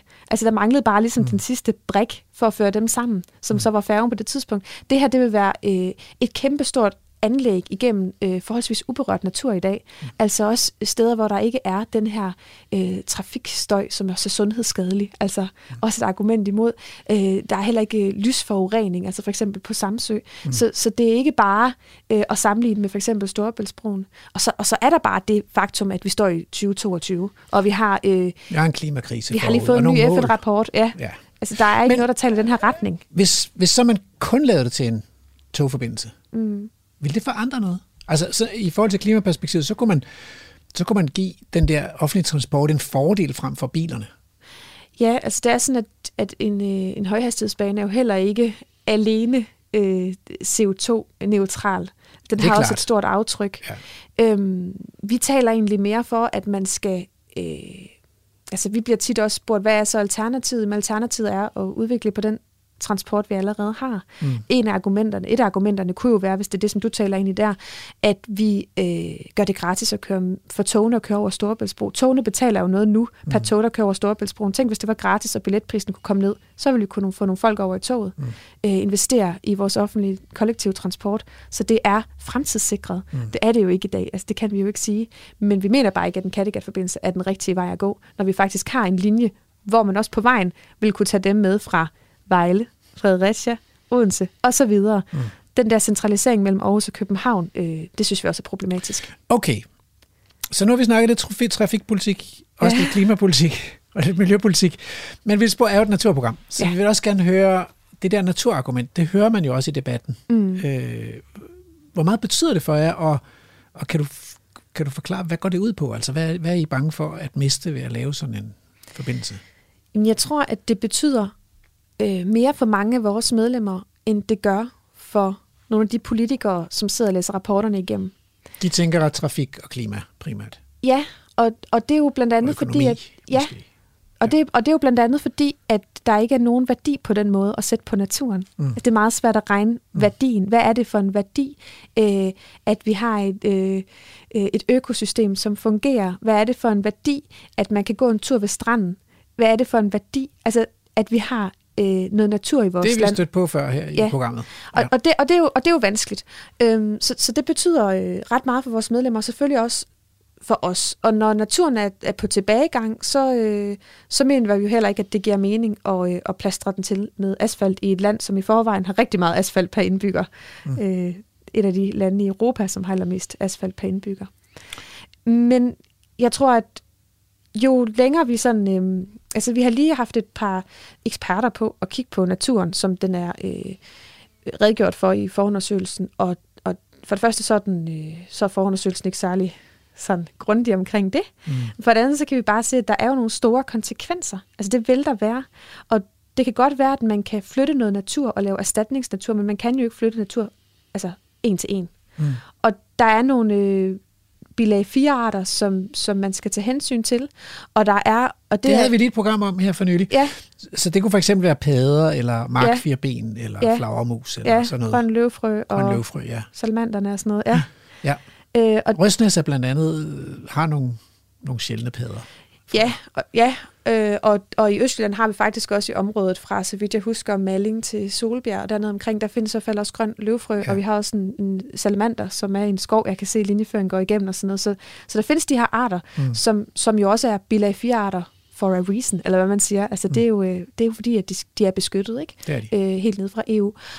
Øhm, men det, jeg vil sige, det var egentlig, at det er ikke bare et billede af, øh, at der kommer en stor motorvej igennem noget natur. Det er jo, fordi der er nogle konsekvenser. Altså for eksempel, at når du skærer en vej igennem øh, et landskab, og det er jo sådan set ligegyldigt, om det er en blomstermark, eller om det er en konf- konventionel mark, øh, der, der er landbrug øh, på, så, så vil det være sådan, at der er nogle dyr, som får skåret deres habitat over, Mm. og som får mindre pladser at være på. Mm.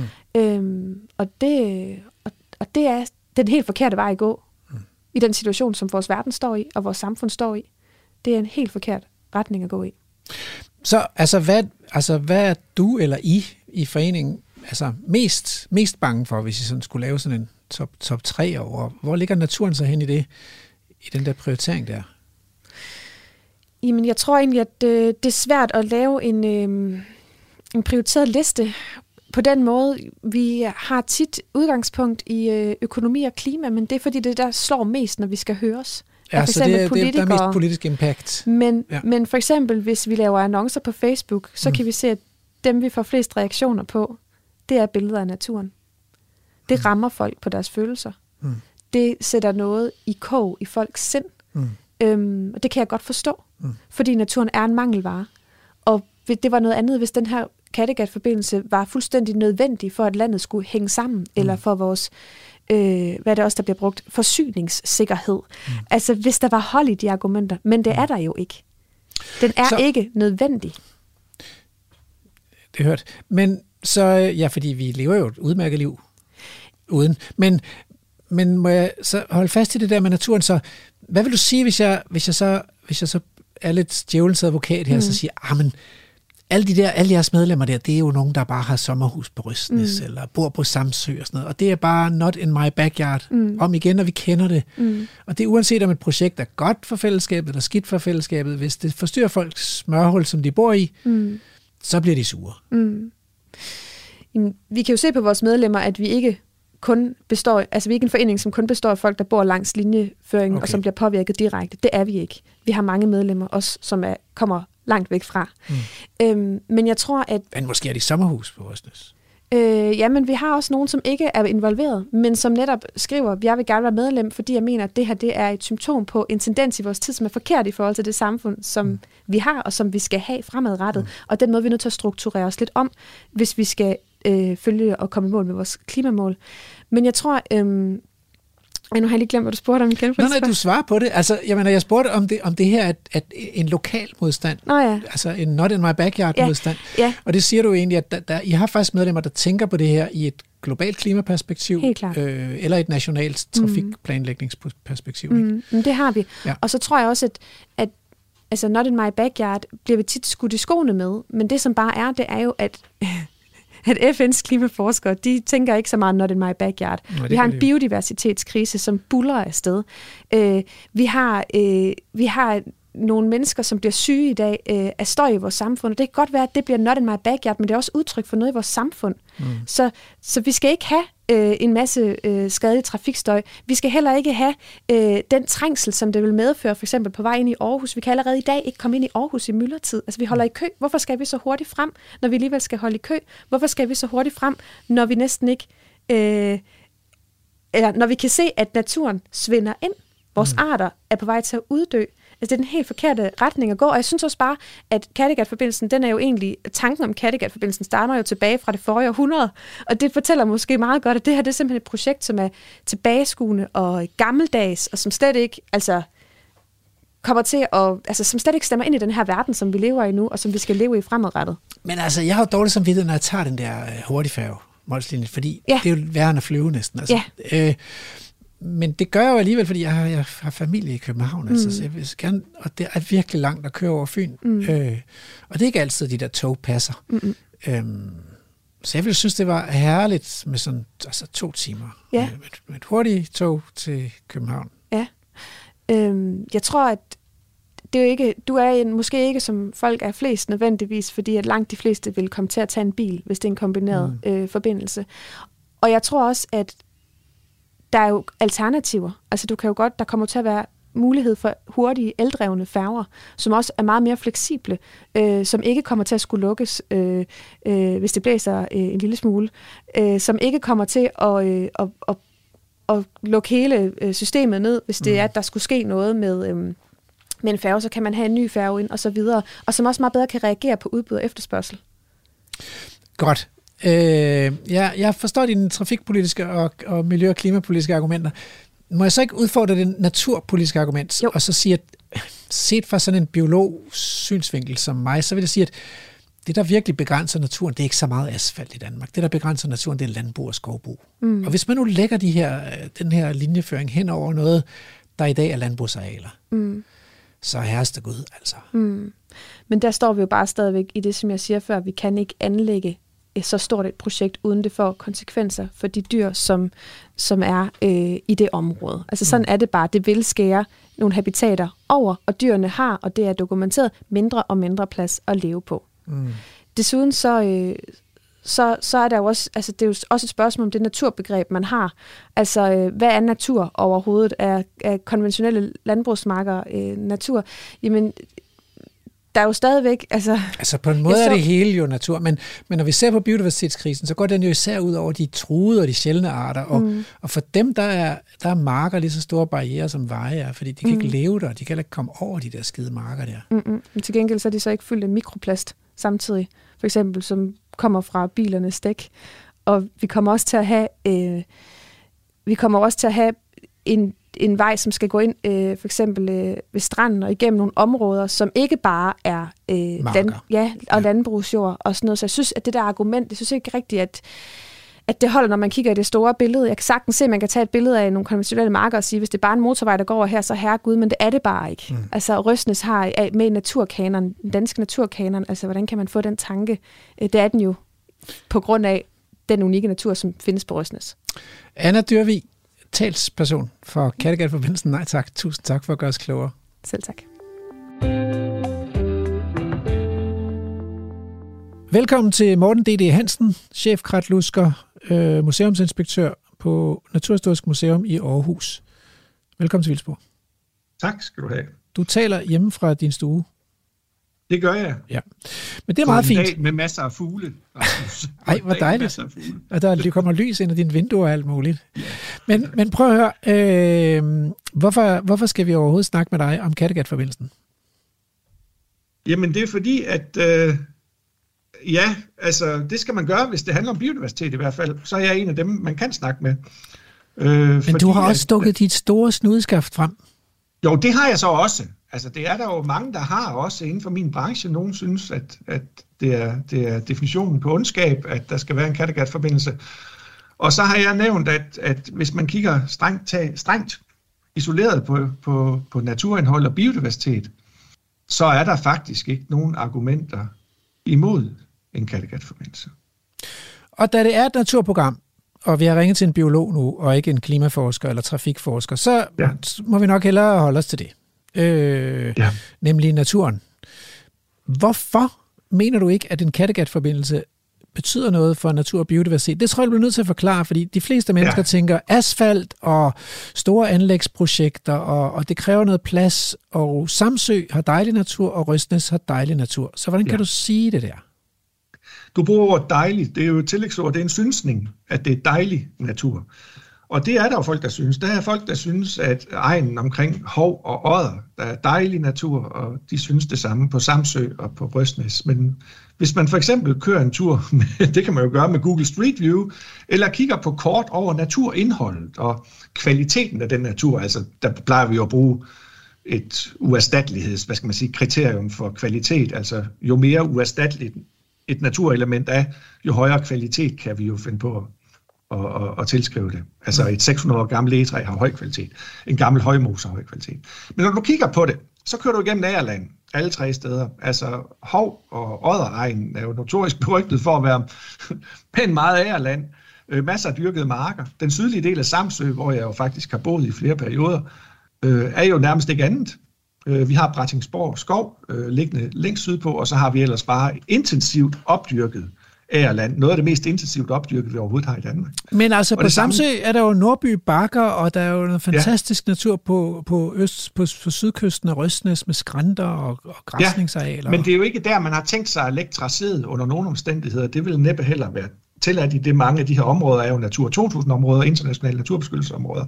Øh, man har længst tænkt sig at lægge sådan et tracé, et motorvejstracé igennem Agerlandet. Mm-hmm. Øh, de tracéer, jeg har set, ligger, altså er ført gennem Agerlandet. Mm. Og der må man bare sige, at, at en, en motorvej, et anlæg, vejanlæg der, vil simpelthen ikke gå ud over uerstattelige naturværdier. Det kan gå ud over folks oplevelser. Det er noget andet. Det er jo det samme som når man bygger infrastruktur alle mulige steder i landet. Altså vi hører altid argumentet, ja, at det her det er det skønneste, det dejligste naturområde, der Struer i sin tid, for nogle år siden, da naturkapitalindekset blev, blev lavet for første gang, der scorede Struer sidstepladsen, og det fordi, at, at Struer Kommune var, var domineret af Agerland, opdyrket af Agerland med meget lidt natur, og det synes de jo var en, en, en uretfærdighed af rang, fordi de synes, der var så dejligt ved Struer. Det kan ikke passe, vi skal score nederst, ikke også? Men der må vi bare sige, at folks oplevelser af naturen er altså ikke det samme som en, en objektiv kvalitetsvurdering af naturen. Men er der så nogen, der vil sige, det vil være svært at lægge sådan en tracé uden at komme i konflikt med nogle levesteder for bilag 4 arter. Der kan være en stor vandsalamandter, der kunne være ja. en grøn løvfrø.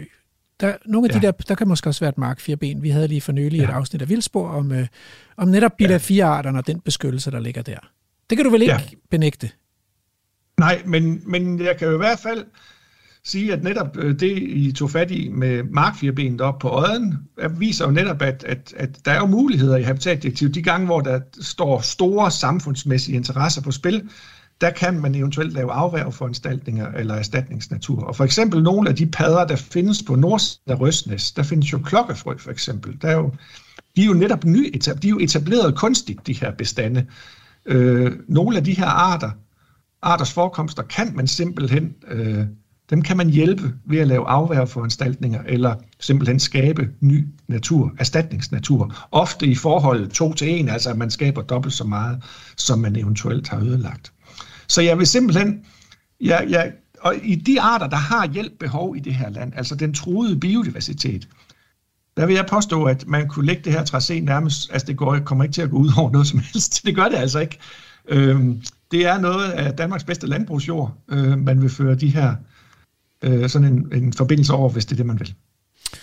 Okay, landbrugsjorden er forløbig ikke truet i Danmark, men, men, øh, ja. men prøv at høre, så kommer man jo til at gennemskære landet og skabe nogle meget massive barriere i forhold til det vilde dyreliv, altså spredningsbarriere.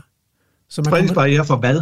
Ikke også? Fordi at de barriere, vi i dag taler om, vi etablerer jo rask væk, altså der er jo etableret et, et motorvejsnet i Danmark efterhånden, og de arter, der bliver øh, opsplittet af det motorvejsnet, er jo selvfølgelig de firebenede, det er dem, der går, øh, og det er dem, der, der ikke bare lige kan flyve hen over en vej. Det vil sige, det er nogle af pattedyrene, og det kan være reelt nok, øhm, øh, men det er også det. Mm. Det er altså ikke spredningskorridor for de, øh, eller barriere for, for sjældne sommerfugle, eller sjældne bier, eller sjældne planter som sådan. Øhm, der er ikke noget af det her, man, altså, om man etablerer en motorvej fra Odder til, til Røsnes, eller om man etablerer den fra Kolding til, til Esbjerg, det er der som sådan ikke nogen forskel. Øh, men, men så er der støj og forurening ja. og lysforurening, ja. og mm. altså det, det, det, det er jo et stort anlæg, ja. infrastrukturanlæg, sådan en motorvej. Ja, Jamen det er fuldkommen rigtigt. Og det er jo så der, hvor vi har politikere, altså vi har befolkningen, og vi har politikere til at vedtage med sig selv, er det det her, vi vil, eller vil vi det ikke? Men mm. det er jo politik, så. Mm. Det vigtige at forstå, det er bare, at man kan ikke bruge biodiversiteten som argument mod en storebæltsforbindelse. Selvom jeg ofte hører det. Altså jeg hører jo, at oh, det vil gå ud over natur og biodiversitet. Det er ikke et validt argument. Det er et validt argument at sige, at det vil ødelægge folks naturoplevelser. Det kan man jo, det er jo, det, så indgår det jo på samme måde som, som de andre afvejninger, øh, man må foretage, når man, når, man, når man laver politik. Ikke også? Øh, så det er egentlig mest et spørgsmål om, hvilken taksonomi beskæftigelse bevæger vi os på. Taler vi objektive sandheder, eller taler vi synsninger her? Men det er jo noget, man oplever er til. Jeg synes, jeg ser det ofte og ofte, det her med, at naturen bruges som argument. Altså, ja. Øh, naturen bruges som argument imod råstofgrave, fordi de ødelægger det skønne landskab. Øh, ja. øh, og det kunne man jo så bruge, hvis man var i Danmarks Naturfredningsforening, for eksempel. Ja. Eller øh, naturen bruges som argument, hvis man nu gerne vil bevare produktionsskovene. Der er en forening, der hedder Bevar de danske skove, og den handler om at undgå at få skovene lagt ud som urørt skov, og det er naturen, der ligesom er argumentet, ikke? Ja. Hvor, hvad er det her med, at naturen skal bruges som argument i stil? Jamen det, er fordi, nat- jamen det er fordi naturen jo opfattes som et, et, en større sandhed, altså et, et, et hvad skal man sige, en, en retfærd, et retfærdigt gode. Forstå på den måde, at naturen er en højere retfærdighed. Altså hvis du bruger naturen som argument, i stedet for bare at bruge et eller andet egenkagemilende argument, så føler man, at man er ude og sige, jamen for naturens skyld, så er det, altså det, det tæller højere. Det er meget skægt, fordi, man. det er ja. meget skægt, fordi man hører jo også det modsatte argument, nemlig at ja. dem, der træffer beslutningerne i Finansministeriet, de regner ikke ja. naturen for noget, fordi man kan ikke ja. regne på den, og den har ikke nogen økonomisk værdi. Nej.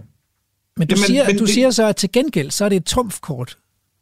Ja, det, det er jo lige, ja, altså det er jo trumfkort på, på linje, altså man kan sige med, med Gud. Øh, ja, Gud, eller øh, ja, det der. Øh, det var aldrig Guds en, mening, at der skulle være en fast forbindelse, så vil han nok... Nej, det har aldrig ikke. været. Men, men, det er, det er meget sjovt, fordi at, at, at vi er, kommer jo lidt tilbage til not in my backyard, altså NIMBY, fordi at, at modstanden mod det her jo ofte er forankret i den egen, der bliver påvirket. Og jeg bliver også selv mødt af det nogle gange, da jeg blev ansat på Mols Laboratoriet i sin tid.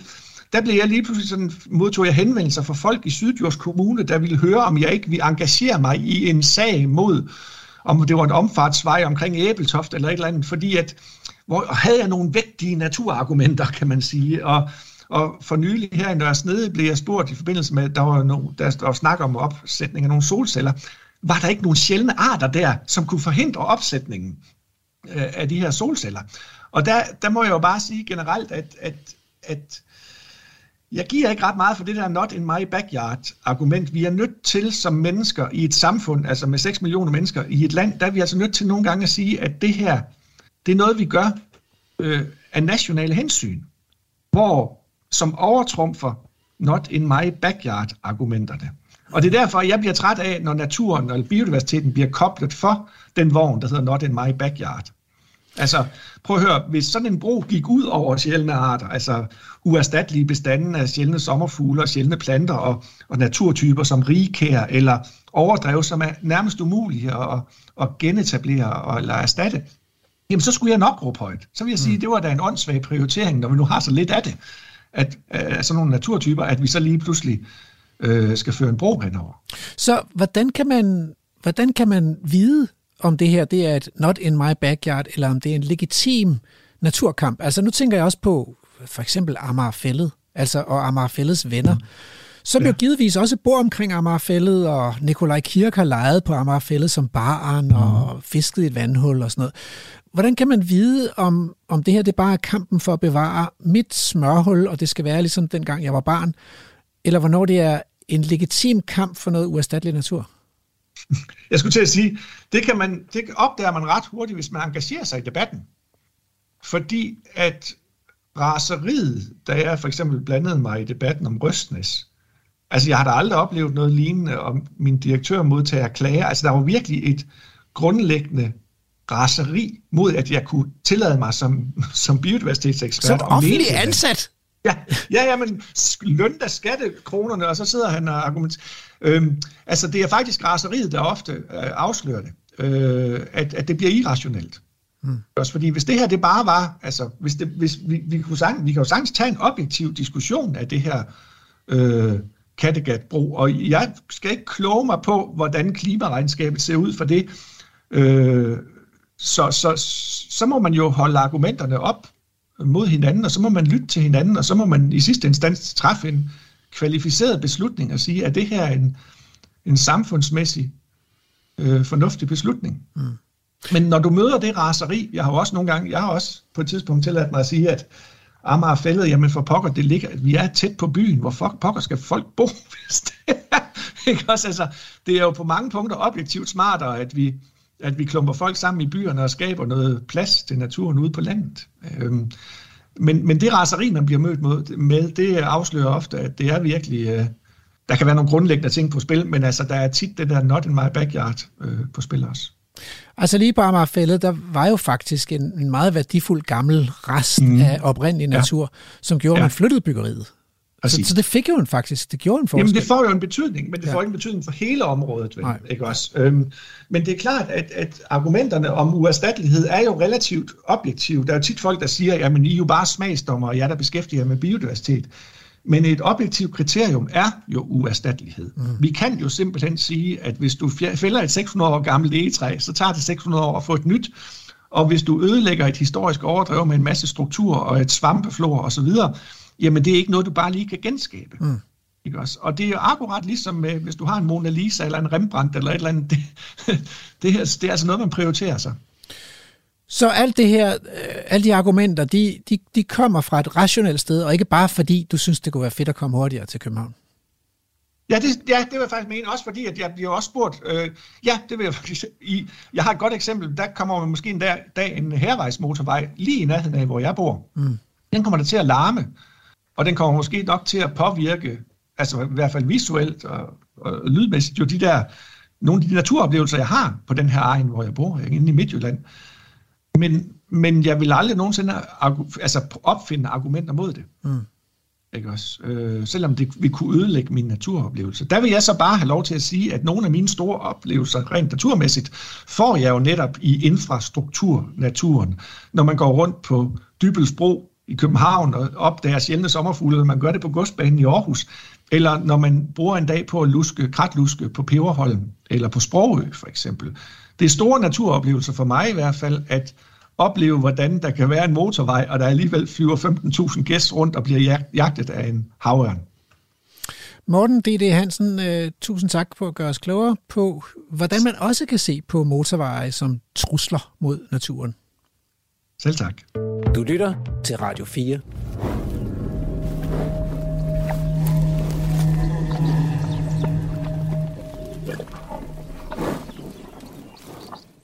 Nå, Bjarne, hvad, øh, hvad har du med til os i dag? Øh, Hvad er dagens dyr? Dagens dyr er vildhesten. Okay. Vi har hørt om uroksen, og nu vildhesten. Er det samme historie, at vildhesten er, øh, hvad kan man sige, mm, ophavsmand, eller det fædrende ophav til vores dages tamheste? Ja, fuldstændig. Øhm, man kan endda sige, at vi ikke har påvirket den helt lige så meget som øh, uroksen eller konen. Fordi ja, vi ikke har malket hestene, og vi, ikke har, vi spiser heller ikke deres kød, og så det er mere moderat Ja, altså vi har, øh, vi har brugt den til at, at som arbejdsdyr. Den ja. har trukket ting, og den øh, og vi har brugt den til at ride på og til at ja, til krig og sådan noget. Ja. Ja. Okay, super. Øhm, er, det, er hesten sådan et europæisk fænomen? Eller øh, har, det været, har, det, været- har de været mere udbredt, eller hvordan? Ja, de har, øh, jamen, de har været i... Ja, de kommer jo oprindeligt fra Nordamerika. Okay. Men, øh, men vi har haft dem i Asien og i Europa. Og nu var historien med uroksen jo, at det var en kæmpestor øh, okse sammenlignet med vores dages kvæg. Heste kommer jo i mange forskellige størrelser, lige fra dværgheste til store raceheste. Øhm, hvordan var vildhestene? Altså, de fleste, de har jo de har været på størrelse med de Exmoor ponyer, der løber rundt ude på Mols. Okay, okay. Så ikke en lille Shetlandspony, men en, en, en middelstor pony, men Ja. ikke, der er meget langt til de der store raceheste. Ja, meget. Øhm, okay. De er jo også store. Altså, der har jo været en stor hest i Sydamerika, men det er en helt anden historie. Okay, men lad os holde os til de, øh, de europæiske vildheste. Så har der været sådan nogle i Danmark? Ja, det har der. Øhm, og de har faktisk været, været her så sent som øh, for 5.000 år siden. Alright. Så de er ligesom uroksen, er de sådan set fuldt med mennesket ind i den her øh, mellemistid, vi befinder os i nu. Ja, det er de. Og så er jeg nødt til at spørge dig, hvornår uddøde de? Ja, det ved man øh, sådan set heller ikke rigtigt, fordi, øh, og det er så et spørgsmål, om man overhovedet kan sige, at de er uddøde. Aha. Mm. Nå, men så bliver jeg nødt til at spørge, hvad er så den mest primitive hest? Den, der er tættest på den oprindelige vildhest i verden i dag? Øhm, Eller i Europa i dag? Altså, vi har øh, Savalskis øh, hest. Ah, det er det der øh, ord, der er næsten umuligt at udtale, fordi der er P'er og R'er og F'er og Z'er. og s- Ja. Ja, den, øh, den øh, form, vi har, er en kulturform, kan vi sige. Den, øh, blev, den blev tæmmet meget tidligt af et folk, der hed Botai, øh, men de brugte den egentlig kun til at spise og mælke. De har ikke brugt den til at ride på. Det lyder som noget over i Asien et sted. Ja, Sibirien eller ja, hvad? ja, derovre. Ja. Langt væk. Ja, okay. Og den findes, altså P-hesten findes endnu ja, i, i verden? findes endnu, ja. Ja. Okay. Øh, er der, er, har vi andre? Øh, altså nu snakkede du, nævnte du Exmoor ponyerne. Gælder det også som sådan en, en primitiv og mere oprindelig hest, eller er det, kan man ikke sige sådan? Altså, der, der kom et, øh, der kom et stort studie i 21, øh, som faktisk slog fast, at øh, vildhesten sådan over en bred kamp, øh, alle faktisk, øh, uddøde for 4.000 år siden. Mhm. Øh, de heste, man ser øh, efter for 4.000 år siden, de er alle sammen ændret på nogle ganske få gener, og det er, sådan, øh, det er noget, der koder for, for, at de kan bære mere, og så er de mere omgængelige. Øh, og alle de de former... Så det lugter af omgang med mennesker? Ja, det Ja. er det. Ja. Øhm, og alle, hvad kan man sige, vildhestene før den tid, eller hest før den tid, øh, de har ikke de gener. Mm-hmm. Mm-hmm. Så det har eksmorponierne også, og Ja. ja. kronikhestene, og hvad vi nu ellers har af primitive hesteracer. Ja, Men hvorfor kalder vi dem så primitive hesteracer? Ah, ja, men det er jo fordi, vi ikke har forædlet på dem jo. Så de, de ligner lidt i størrelse og drøjde og Ja. højde og sådan noget. Og det er meget lidt, øh, de er ændret i forhold til den oprindelige vildhest. Ja.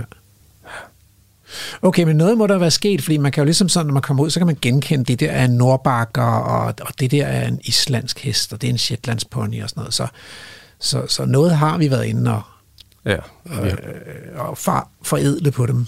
Ja, altså vi har jo blandt andet skulle bruge dem til krig, og der, øh, der har vi jo lavet nogle, der er både tunge og store. Mm. Mm. Øh, dels skulle de kunne trække øh, kanoner, Mm. mm. men øh, de har jo også skulle øh, kunne bruges i, i krig øh, med rustninger, som jo vejer en del. Så Men, men hvis vi så går over til, ikke til hvad vi har brugt dem til, men hvad deres rolle i økosystemet har været, så kan man sige noget, altså gør de det samme som kør, sådan nogle heste, eller, eller, eller er de anderledes?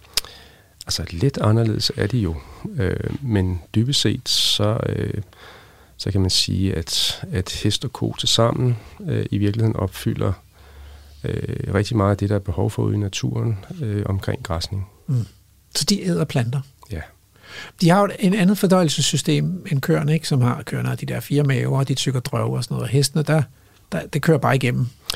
Ja, øhm, de, øh, man kan sige, at hestene er, øh, de kan i virkeligheden øh, leve af noget, der ikke er særlig næringsrigt. Ja. Og øh, bare der, der skal bare være meget af det. Så der er de mere robuste, kan man sige, end køerne. Ja, og de kan, de har, man kan sige, at i virkeligheden så øh, passer de jo meget godt til, til vores natur, fordi hele, i den hele den kolde periode, der, øh, der er jo ikke særlig meget øh, kraft og næring i græsset. Der går de jo bare og æder det, der ligger, altså førnen. Mm. Øhm, og det gør de rigtig godt. Så der bliver der plads til, at urterne kan vokse op foråret efter.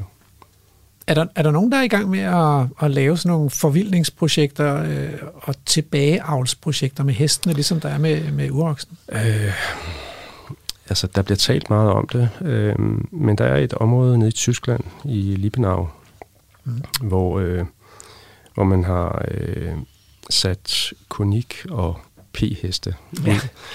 Øh, og det, der kommer nogle, øh, nogle meget skægge heste ud af, de, øh, de har sådan et, øh, et meget kraftigt forparti, øh, og, og deres øh, hoveder også, og hals er, er sådan tykkere eller større, end vi normalt ser hos heste. Og det bliver betragtet som et primitivt træk. Altså noget af det, som folk bekymrer sig om, når man har rewilding-projekter, det er om dyrene nu kan, har det godt om vinteren. Jeg har indtryk af, at nogle af de der heste forskellige steder i verden, de er ekstremt kuldetolerante. Er det ikke rigtigt? Altså jeg har set sådan nogle billeder af- af heste, der står i, i sibirisk fimbulvinter. Jo. Er, er det forkert, eller er det rigtigt? Nej, de har, der er en race oppe i, i Sibirien, som kan tåle rigtig, rigtig meget kulde.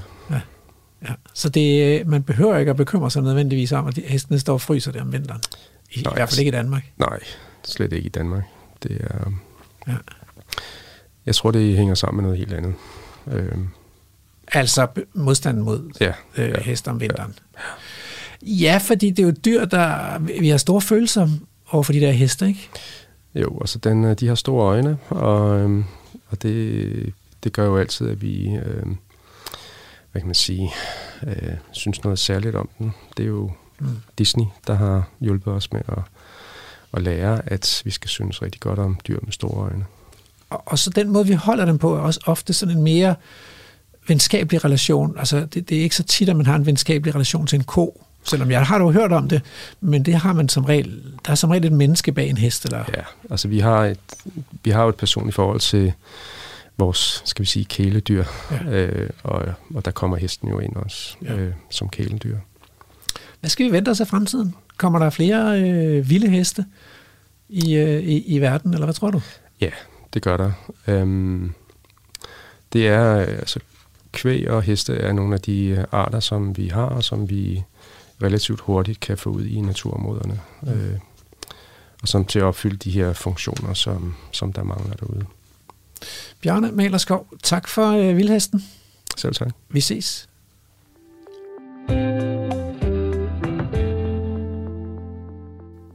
Så er det tid til spade for en spade. Og jeg kommer her. Naturen bliver simpelthen bare slæbt i managen igen og igen, som en gammel slidt cirkushest. Så er det Arala, der kommer tættere på naturen med en hytteost eller noget lurpakket smør. Så er det landmanden som naturforvalter. Så er det jægeren, som holder bestanden sund, eller skovdyrkeren, som planter et træ for klimaet. Problemet er, at de, som tager naturen til indtægt for deres projekter, meget sjældent egentlig har målrettet deres arealanvendelse, så det faktisk gør en forskel for Danmarks troede arter. Som regel har de ikke skænket den tanke, og ja, faktisk kan de sjældent nævne en eneste vild plante, sommerfugl eller svamp, som har det svært i Danmark i dag. De kan bare mærke, at det her, det er fandme et argument, der sælger billetter. Et andet aspekt af det, det er jo de her not in my backyard, som er bange for forandringer i deres smørhul, og som pludselig springer ud som store naturelskere. For man kan tale om naturen med patos. Det er lidt sværere med støjforurening og lysforurening og, og lydforurening. Så, men naturen, det kan man tale om, og med følelsesfylde og med hjertet. Det er ligesom det der trumfkort, som man kan få brug for, hvis intet andet virker. Så det er lidt fristende, når vi snakker om de her infrastrukturanlæg. Hvad med, om vi kunne, vi kunne aftale alt fremtidsplanlægning? Det bliver udført af mennesker med en bopæl minimum 100 km væk fra det område, hvor planlægningen finder sted. Eller endnu bedre, det bliver udført af mennesker, som ikke er født endnu, og derfor ingen privilegier har. Ja, okay, den bliver svær. Jeg ved sgu ikke, hvem, hvem skal tale på vegne af de der mennesker, der ikke bliver født endnu. Men perspektivet om, at vi skal prøve at undgå, at det bare handler om folk, der sidder og piller sig selv i navlen. Det er muligt, at Kattegat-forbindelsen er for stor en miljøbelastning. Det er også muligt, at der kunne være nogle miljøforbedringer ved at spare nogle unødige kilometer og nogle forurenende hurtigfærger. Jeg ved det ikke. Men det burde være hensynet til miljø, trafik og økonomi, der afgjorde spørgsmålet om en Kattegat-forbindelse, og ikke hensynet til naturen. Infrastruktur følger faktisk ikke så meget i Danmark, og øh, det kan lettere forenes med naturhensyn, end man kan forene landbrug og skovbrug med naturhensyn. Det er de store arealædere og naturødelæggere i Danmark. Så beslutningstagerne bør spørge Klimarådet, når det gælder Kattegat-forbindelsen og dens udformning. Og så kan man jo inddrage naturhensyn, hvis man beslutter sig for at lave forbindelsen. Måske kunne en ren togforbindelse være fantastisk. Vildspor er slut. Tak til øh, Emil Skov. Andrew, du ryster på. Vi er slet ikke færdige nu. Er det rigtigt? Ja, det er vi ikke. Nå, men så bliver jeg nødt til at inddrage dig, altså. Hvad fanden? Jeg er sikker på, at jeg så helt forkert ud i ansigtet. Fuldstændig. Jeg fik et, lille, et mindre chok. Men prøv at høre. Øhm, vil du gerne køre... Du har ikke engang kørekort, så det kan du ikke. Vil du gerne... men, men vil du synes, det var fedt med en bro mere? En fast forbindelse til Sjælland? Altså mener du, at, at nu, skal, nu skal vi ligesom opsummere og komme Ja, ja, det med vores egne tanker om Men det er jo lige kommet med mine, så nu er det- nu er jamen, der kun er dig det min- nu er det tilbage. min, ja, ja, ja. Øhm,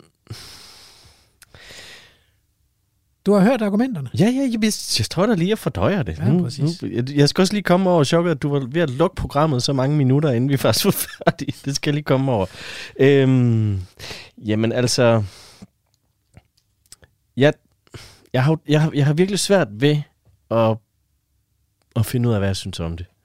Jeg, øh, jeg kan godt lide, jeg kan godt lide jeg kan godt lide færger, for det første. Nu taler jeg bare sådan helt frit fra leveren ud af posen. ikke? Jeg kan godt lide færger, jeg synes, de er utrolig hyggelige og et dejligt transportmiddel.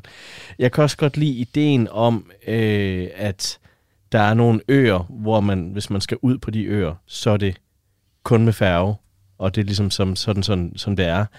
Mm. Men jeg kan også godt se det smarte i at have nogle bedre forbindelser til København. Det er saftsus med en lang tur, når man skal Ja. Øh, enten med færge til, øh, til Odden og så hele vejen igennem, eller også nedenom og over Fyn og så videre, ikke? Det Jeg har er- lige lidt fun facts. Ja. Der er over 400 navngivende øer i Danmark. Heraf 72 beboede øer. Okay. 38 af dem kan nås med færge. Ja. Så det er ikke sådan... Altså, Nej, men de er jo ikke i nærheden af mig. Vi løber ikke sådan lige tør for øer. Nej, nej, det er selvfølgelig rigtigt. Altså, men, men det er jo... Rasmus, vi har også været, vi har været på utrolig mange udflugter sammen, og det, prøv, det er hyggeligt, men de, også, de bliver virkelig lange nogle gange, ikke? Altså, så det, Mm. det kunne jo være rart, hvis vi kunne komme til Sjælland lidt hurtigere. Mm. Ja, jeg, Kom jeg, bare, du. Ja, øj, det skal du ikke begynde på. Jeg er meget, jeg er splittet, det er jeg virkelig. Jeg synes, det er svært. at, og jeg, jeg kan forstå øh, begge parter i den her sag her. Og det der med naturen, det, det nævnte du ikke. Du, det var egentlig bare det der med, at der ja. Er noget hyggeligt ved Ja. øer, og der er noget hyggeligt ved færger. Ja. Og det er også smart at komme hurtigt til København. Mm. Men, men naturen, Jamen, sådan som jeg har forstået det her program, så, så er det jo ikke fordi, at naturen er så truet af lige det her byggeprojekt. det er det argument, køber du. Ja, hvis, hvis det er det, der bliver sagt, selvfølgelig. Altså. Og vi kan flytte de der padder. Jamen, så må vi flytte padderne, men det virker også bare sådan lidt, altså... Det virker også sådan lidt hyklerisk på baggrund af, at forrige udsendelse handlede om fireben, og det synes vi var lidt underligt, at vi flyttede de der fireben, ikke? Eller, Jo, underligt er det jo. Ja. Så, det er jo, så man kan sige, vi skal jo ikke gøre det, medmindre det er vigtigt nok. Nej. Øh, så så kommer, så er det ligesom, at vi sender bolden videre til politikerne. Ja. For det er ligesom dem, der skal have visionerne for, det er et demokratisk spørgsmål, skal vi gøre det her, eller skal vi ikke gøre det? Det har en pris. Ja. Øh, vi hørte nu, at det var en pris på noget over 100 milliarder kroner. Ikke? Ja. Ja. Man kunne simpelthen lægge 20 procent af Danmarks landareal ud til natur for evigt, for den nette sum af 100 milliarder kroner. Ja. Det vil man så ikke komme hurtigere til København af. Hvis du stod med det, hvis du stod med det beløb, og du havde de to muligheder, vil, så... Ah, come on, Andrew. Altså, Jamen, så jeg skulle sige, så ved jeg godt, hvad du vil bruge. ja. Men uh, ja. Ja, så helt, altså, men, men man kan sige, at det, det har jo meget forskellige samfundsmæssige konsekvenser at bruge 100 milliarder kroner på at skabe vækst og udvikling, Mm. eller bruge dem på at, at skabe ro og vild natur. Altså. Ja. Nu bliver vi altså nødt til snart at lukke det her program, tror Ja, jeg. nu må du gerne runde af. Okay. Vildspor er slut. Tak til Emil Skovgaard Brandtoft for at gøre os klogere på naturen omkring infrastrukturanlæg. Tak til Samsøs borgmester, Marcel Meyer, Anna Dyrvi fra Kattegat-forbindelsen Nej Tak, og Morten D.D. Hansen fra Naturhistorisk Museum i Aarhus, for at bidrage med perspektiver på natur, miljø og klima for og imod en Kattegat-forbindelse. Tak også til Vildspors tilrettelægger Peter Løde Thomsen og Tine Brink Hansen for reportage og Voxpop og Andrew Davidson for at holde spaden til ilden. Nu er det tid til haiku. Danmarks højbroer, mesterværker knytter bånd, kys fra kyst til kyst. Programmet er produceret af Videnslyd for Radio 4. Mener du ikke ild til spaden?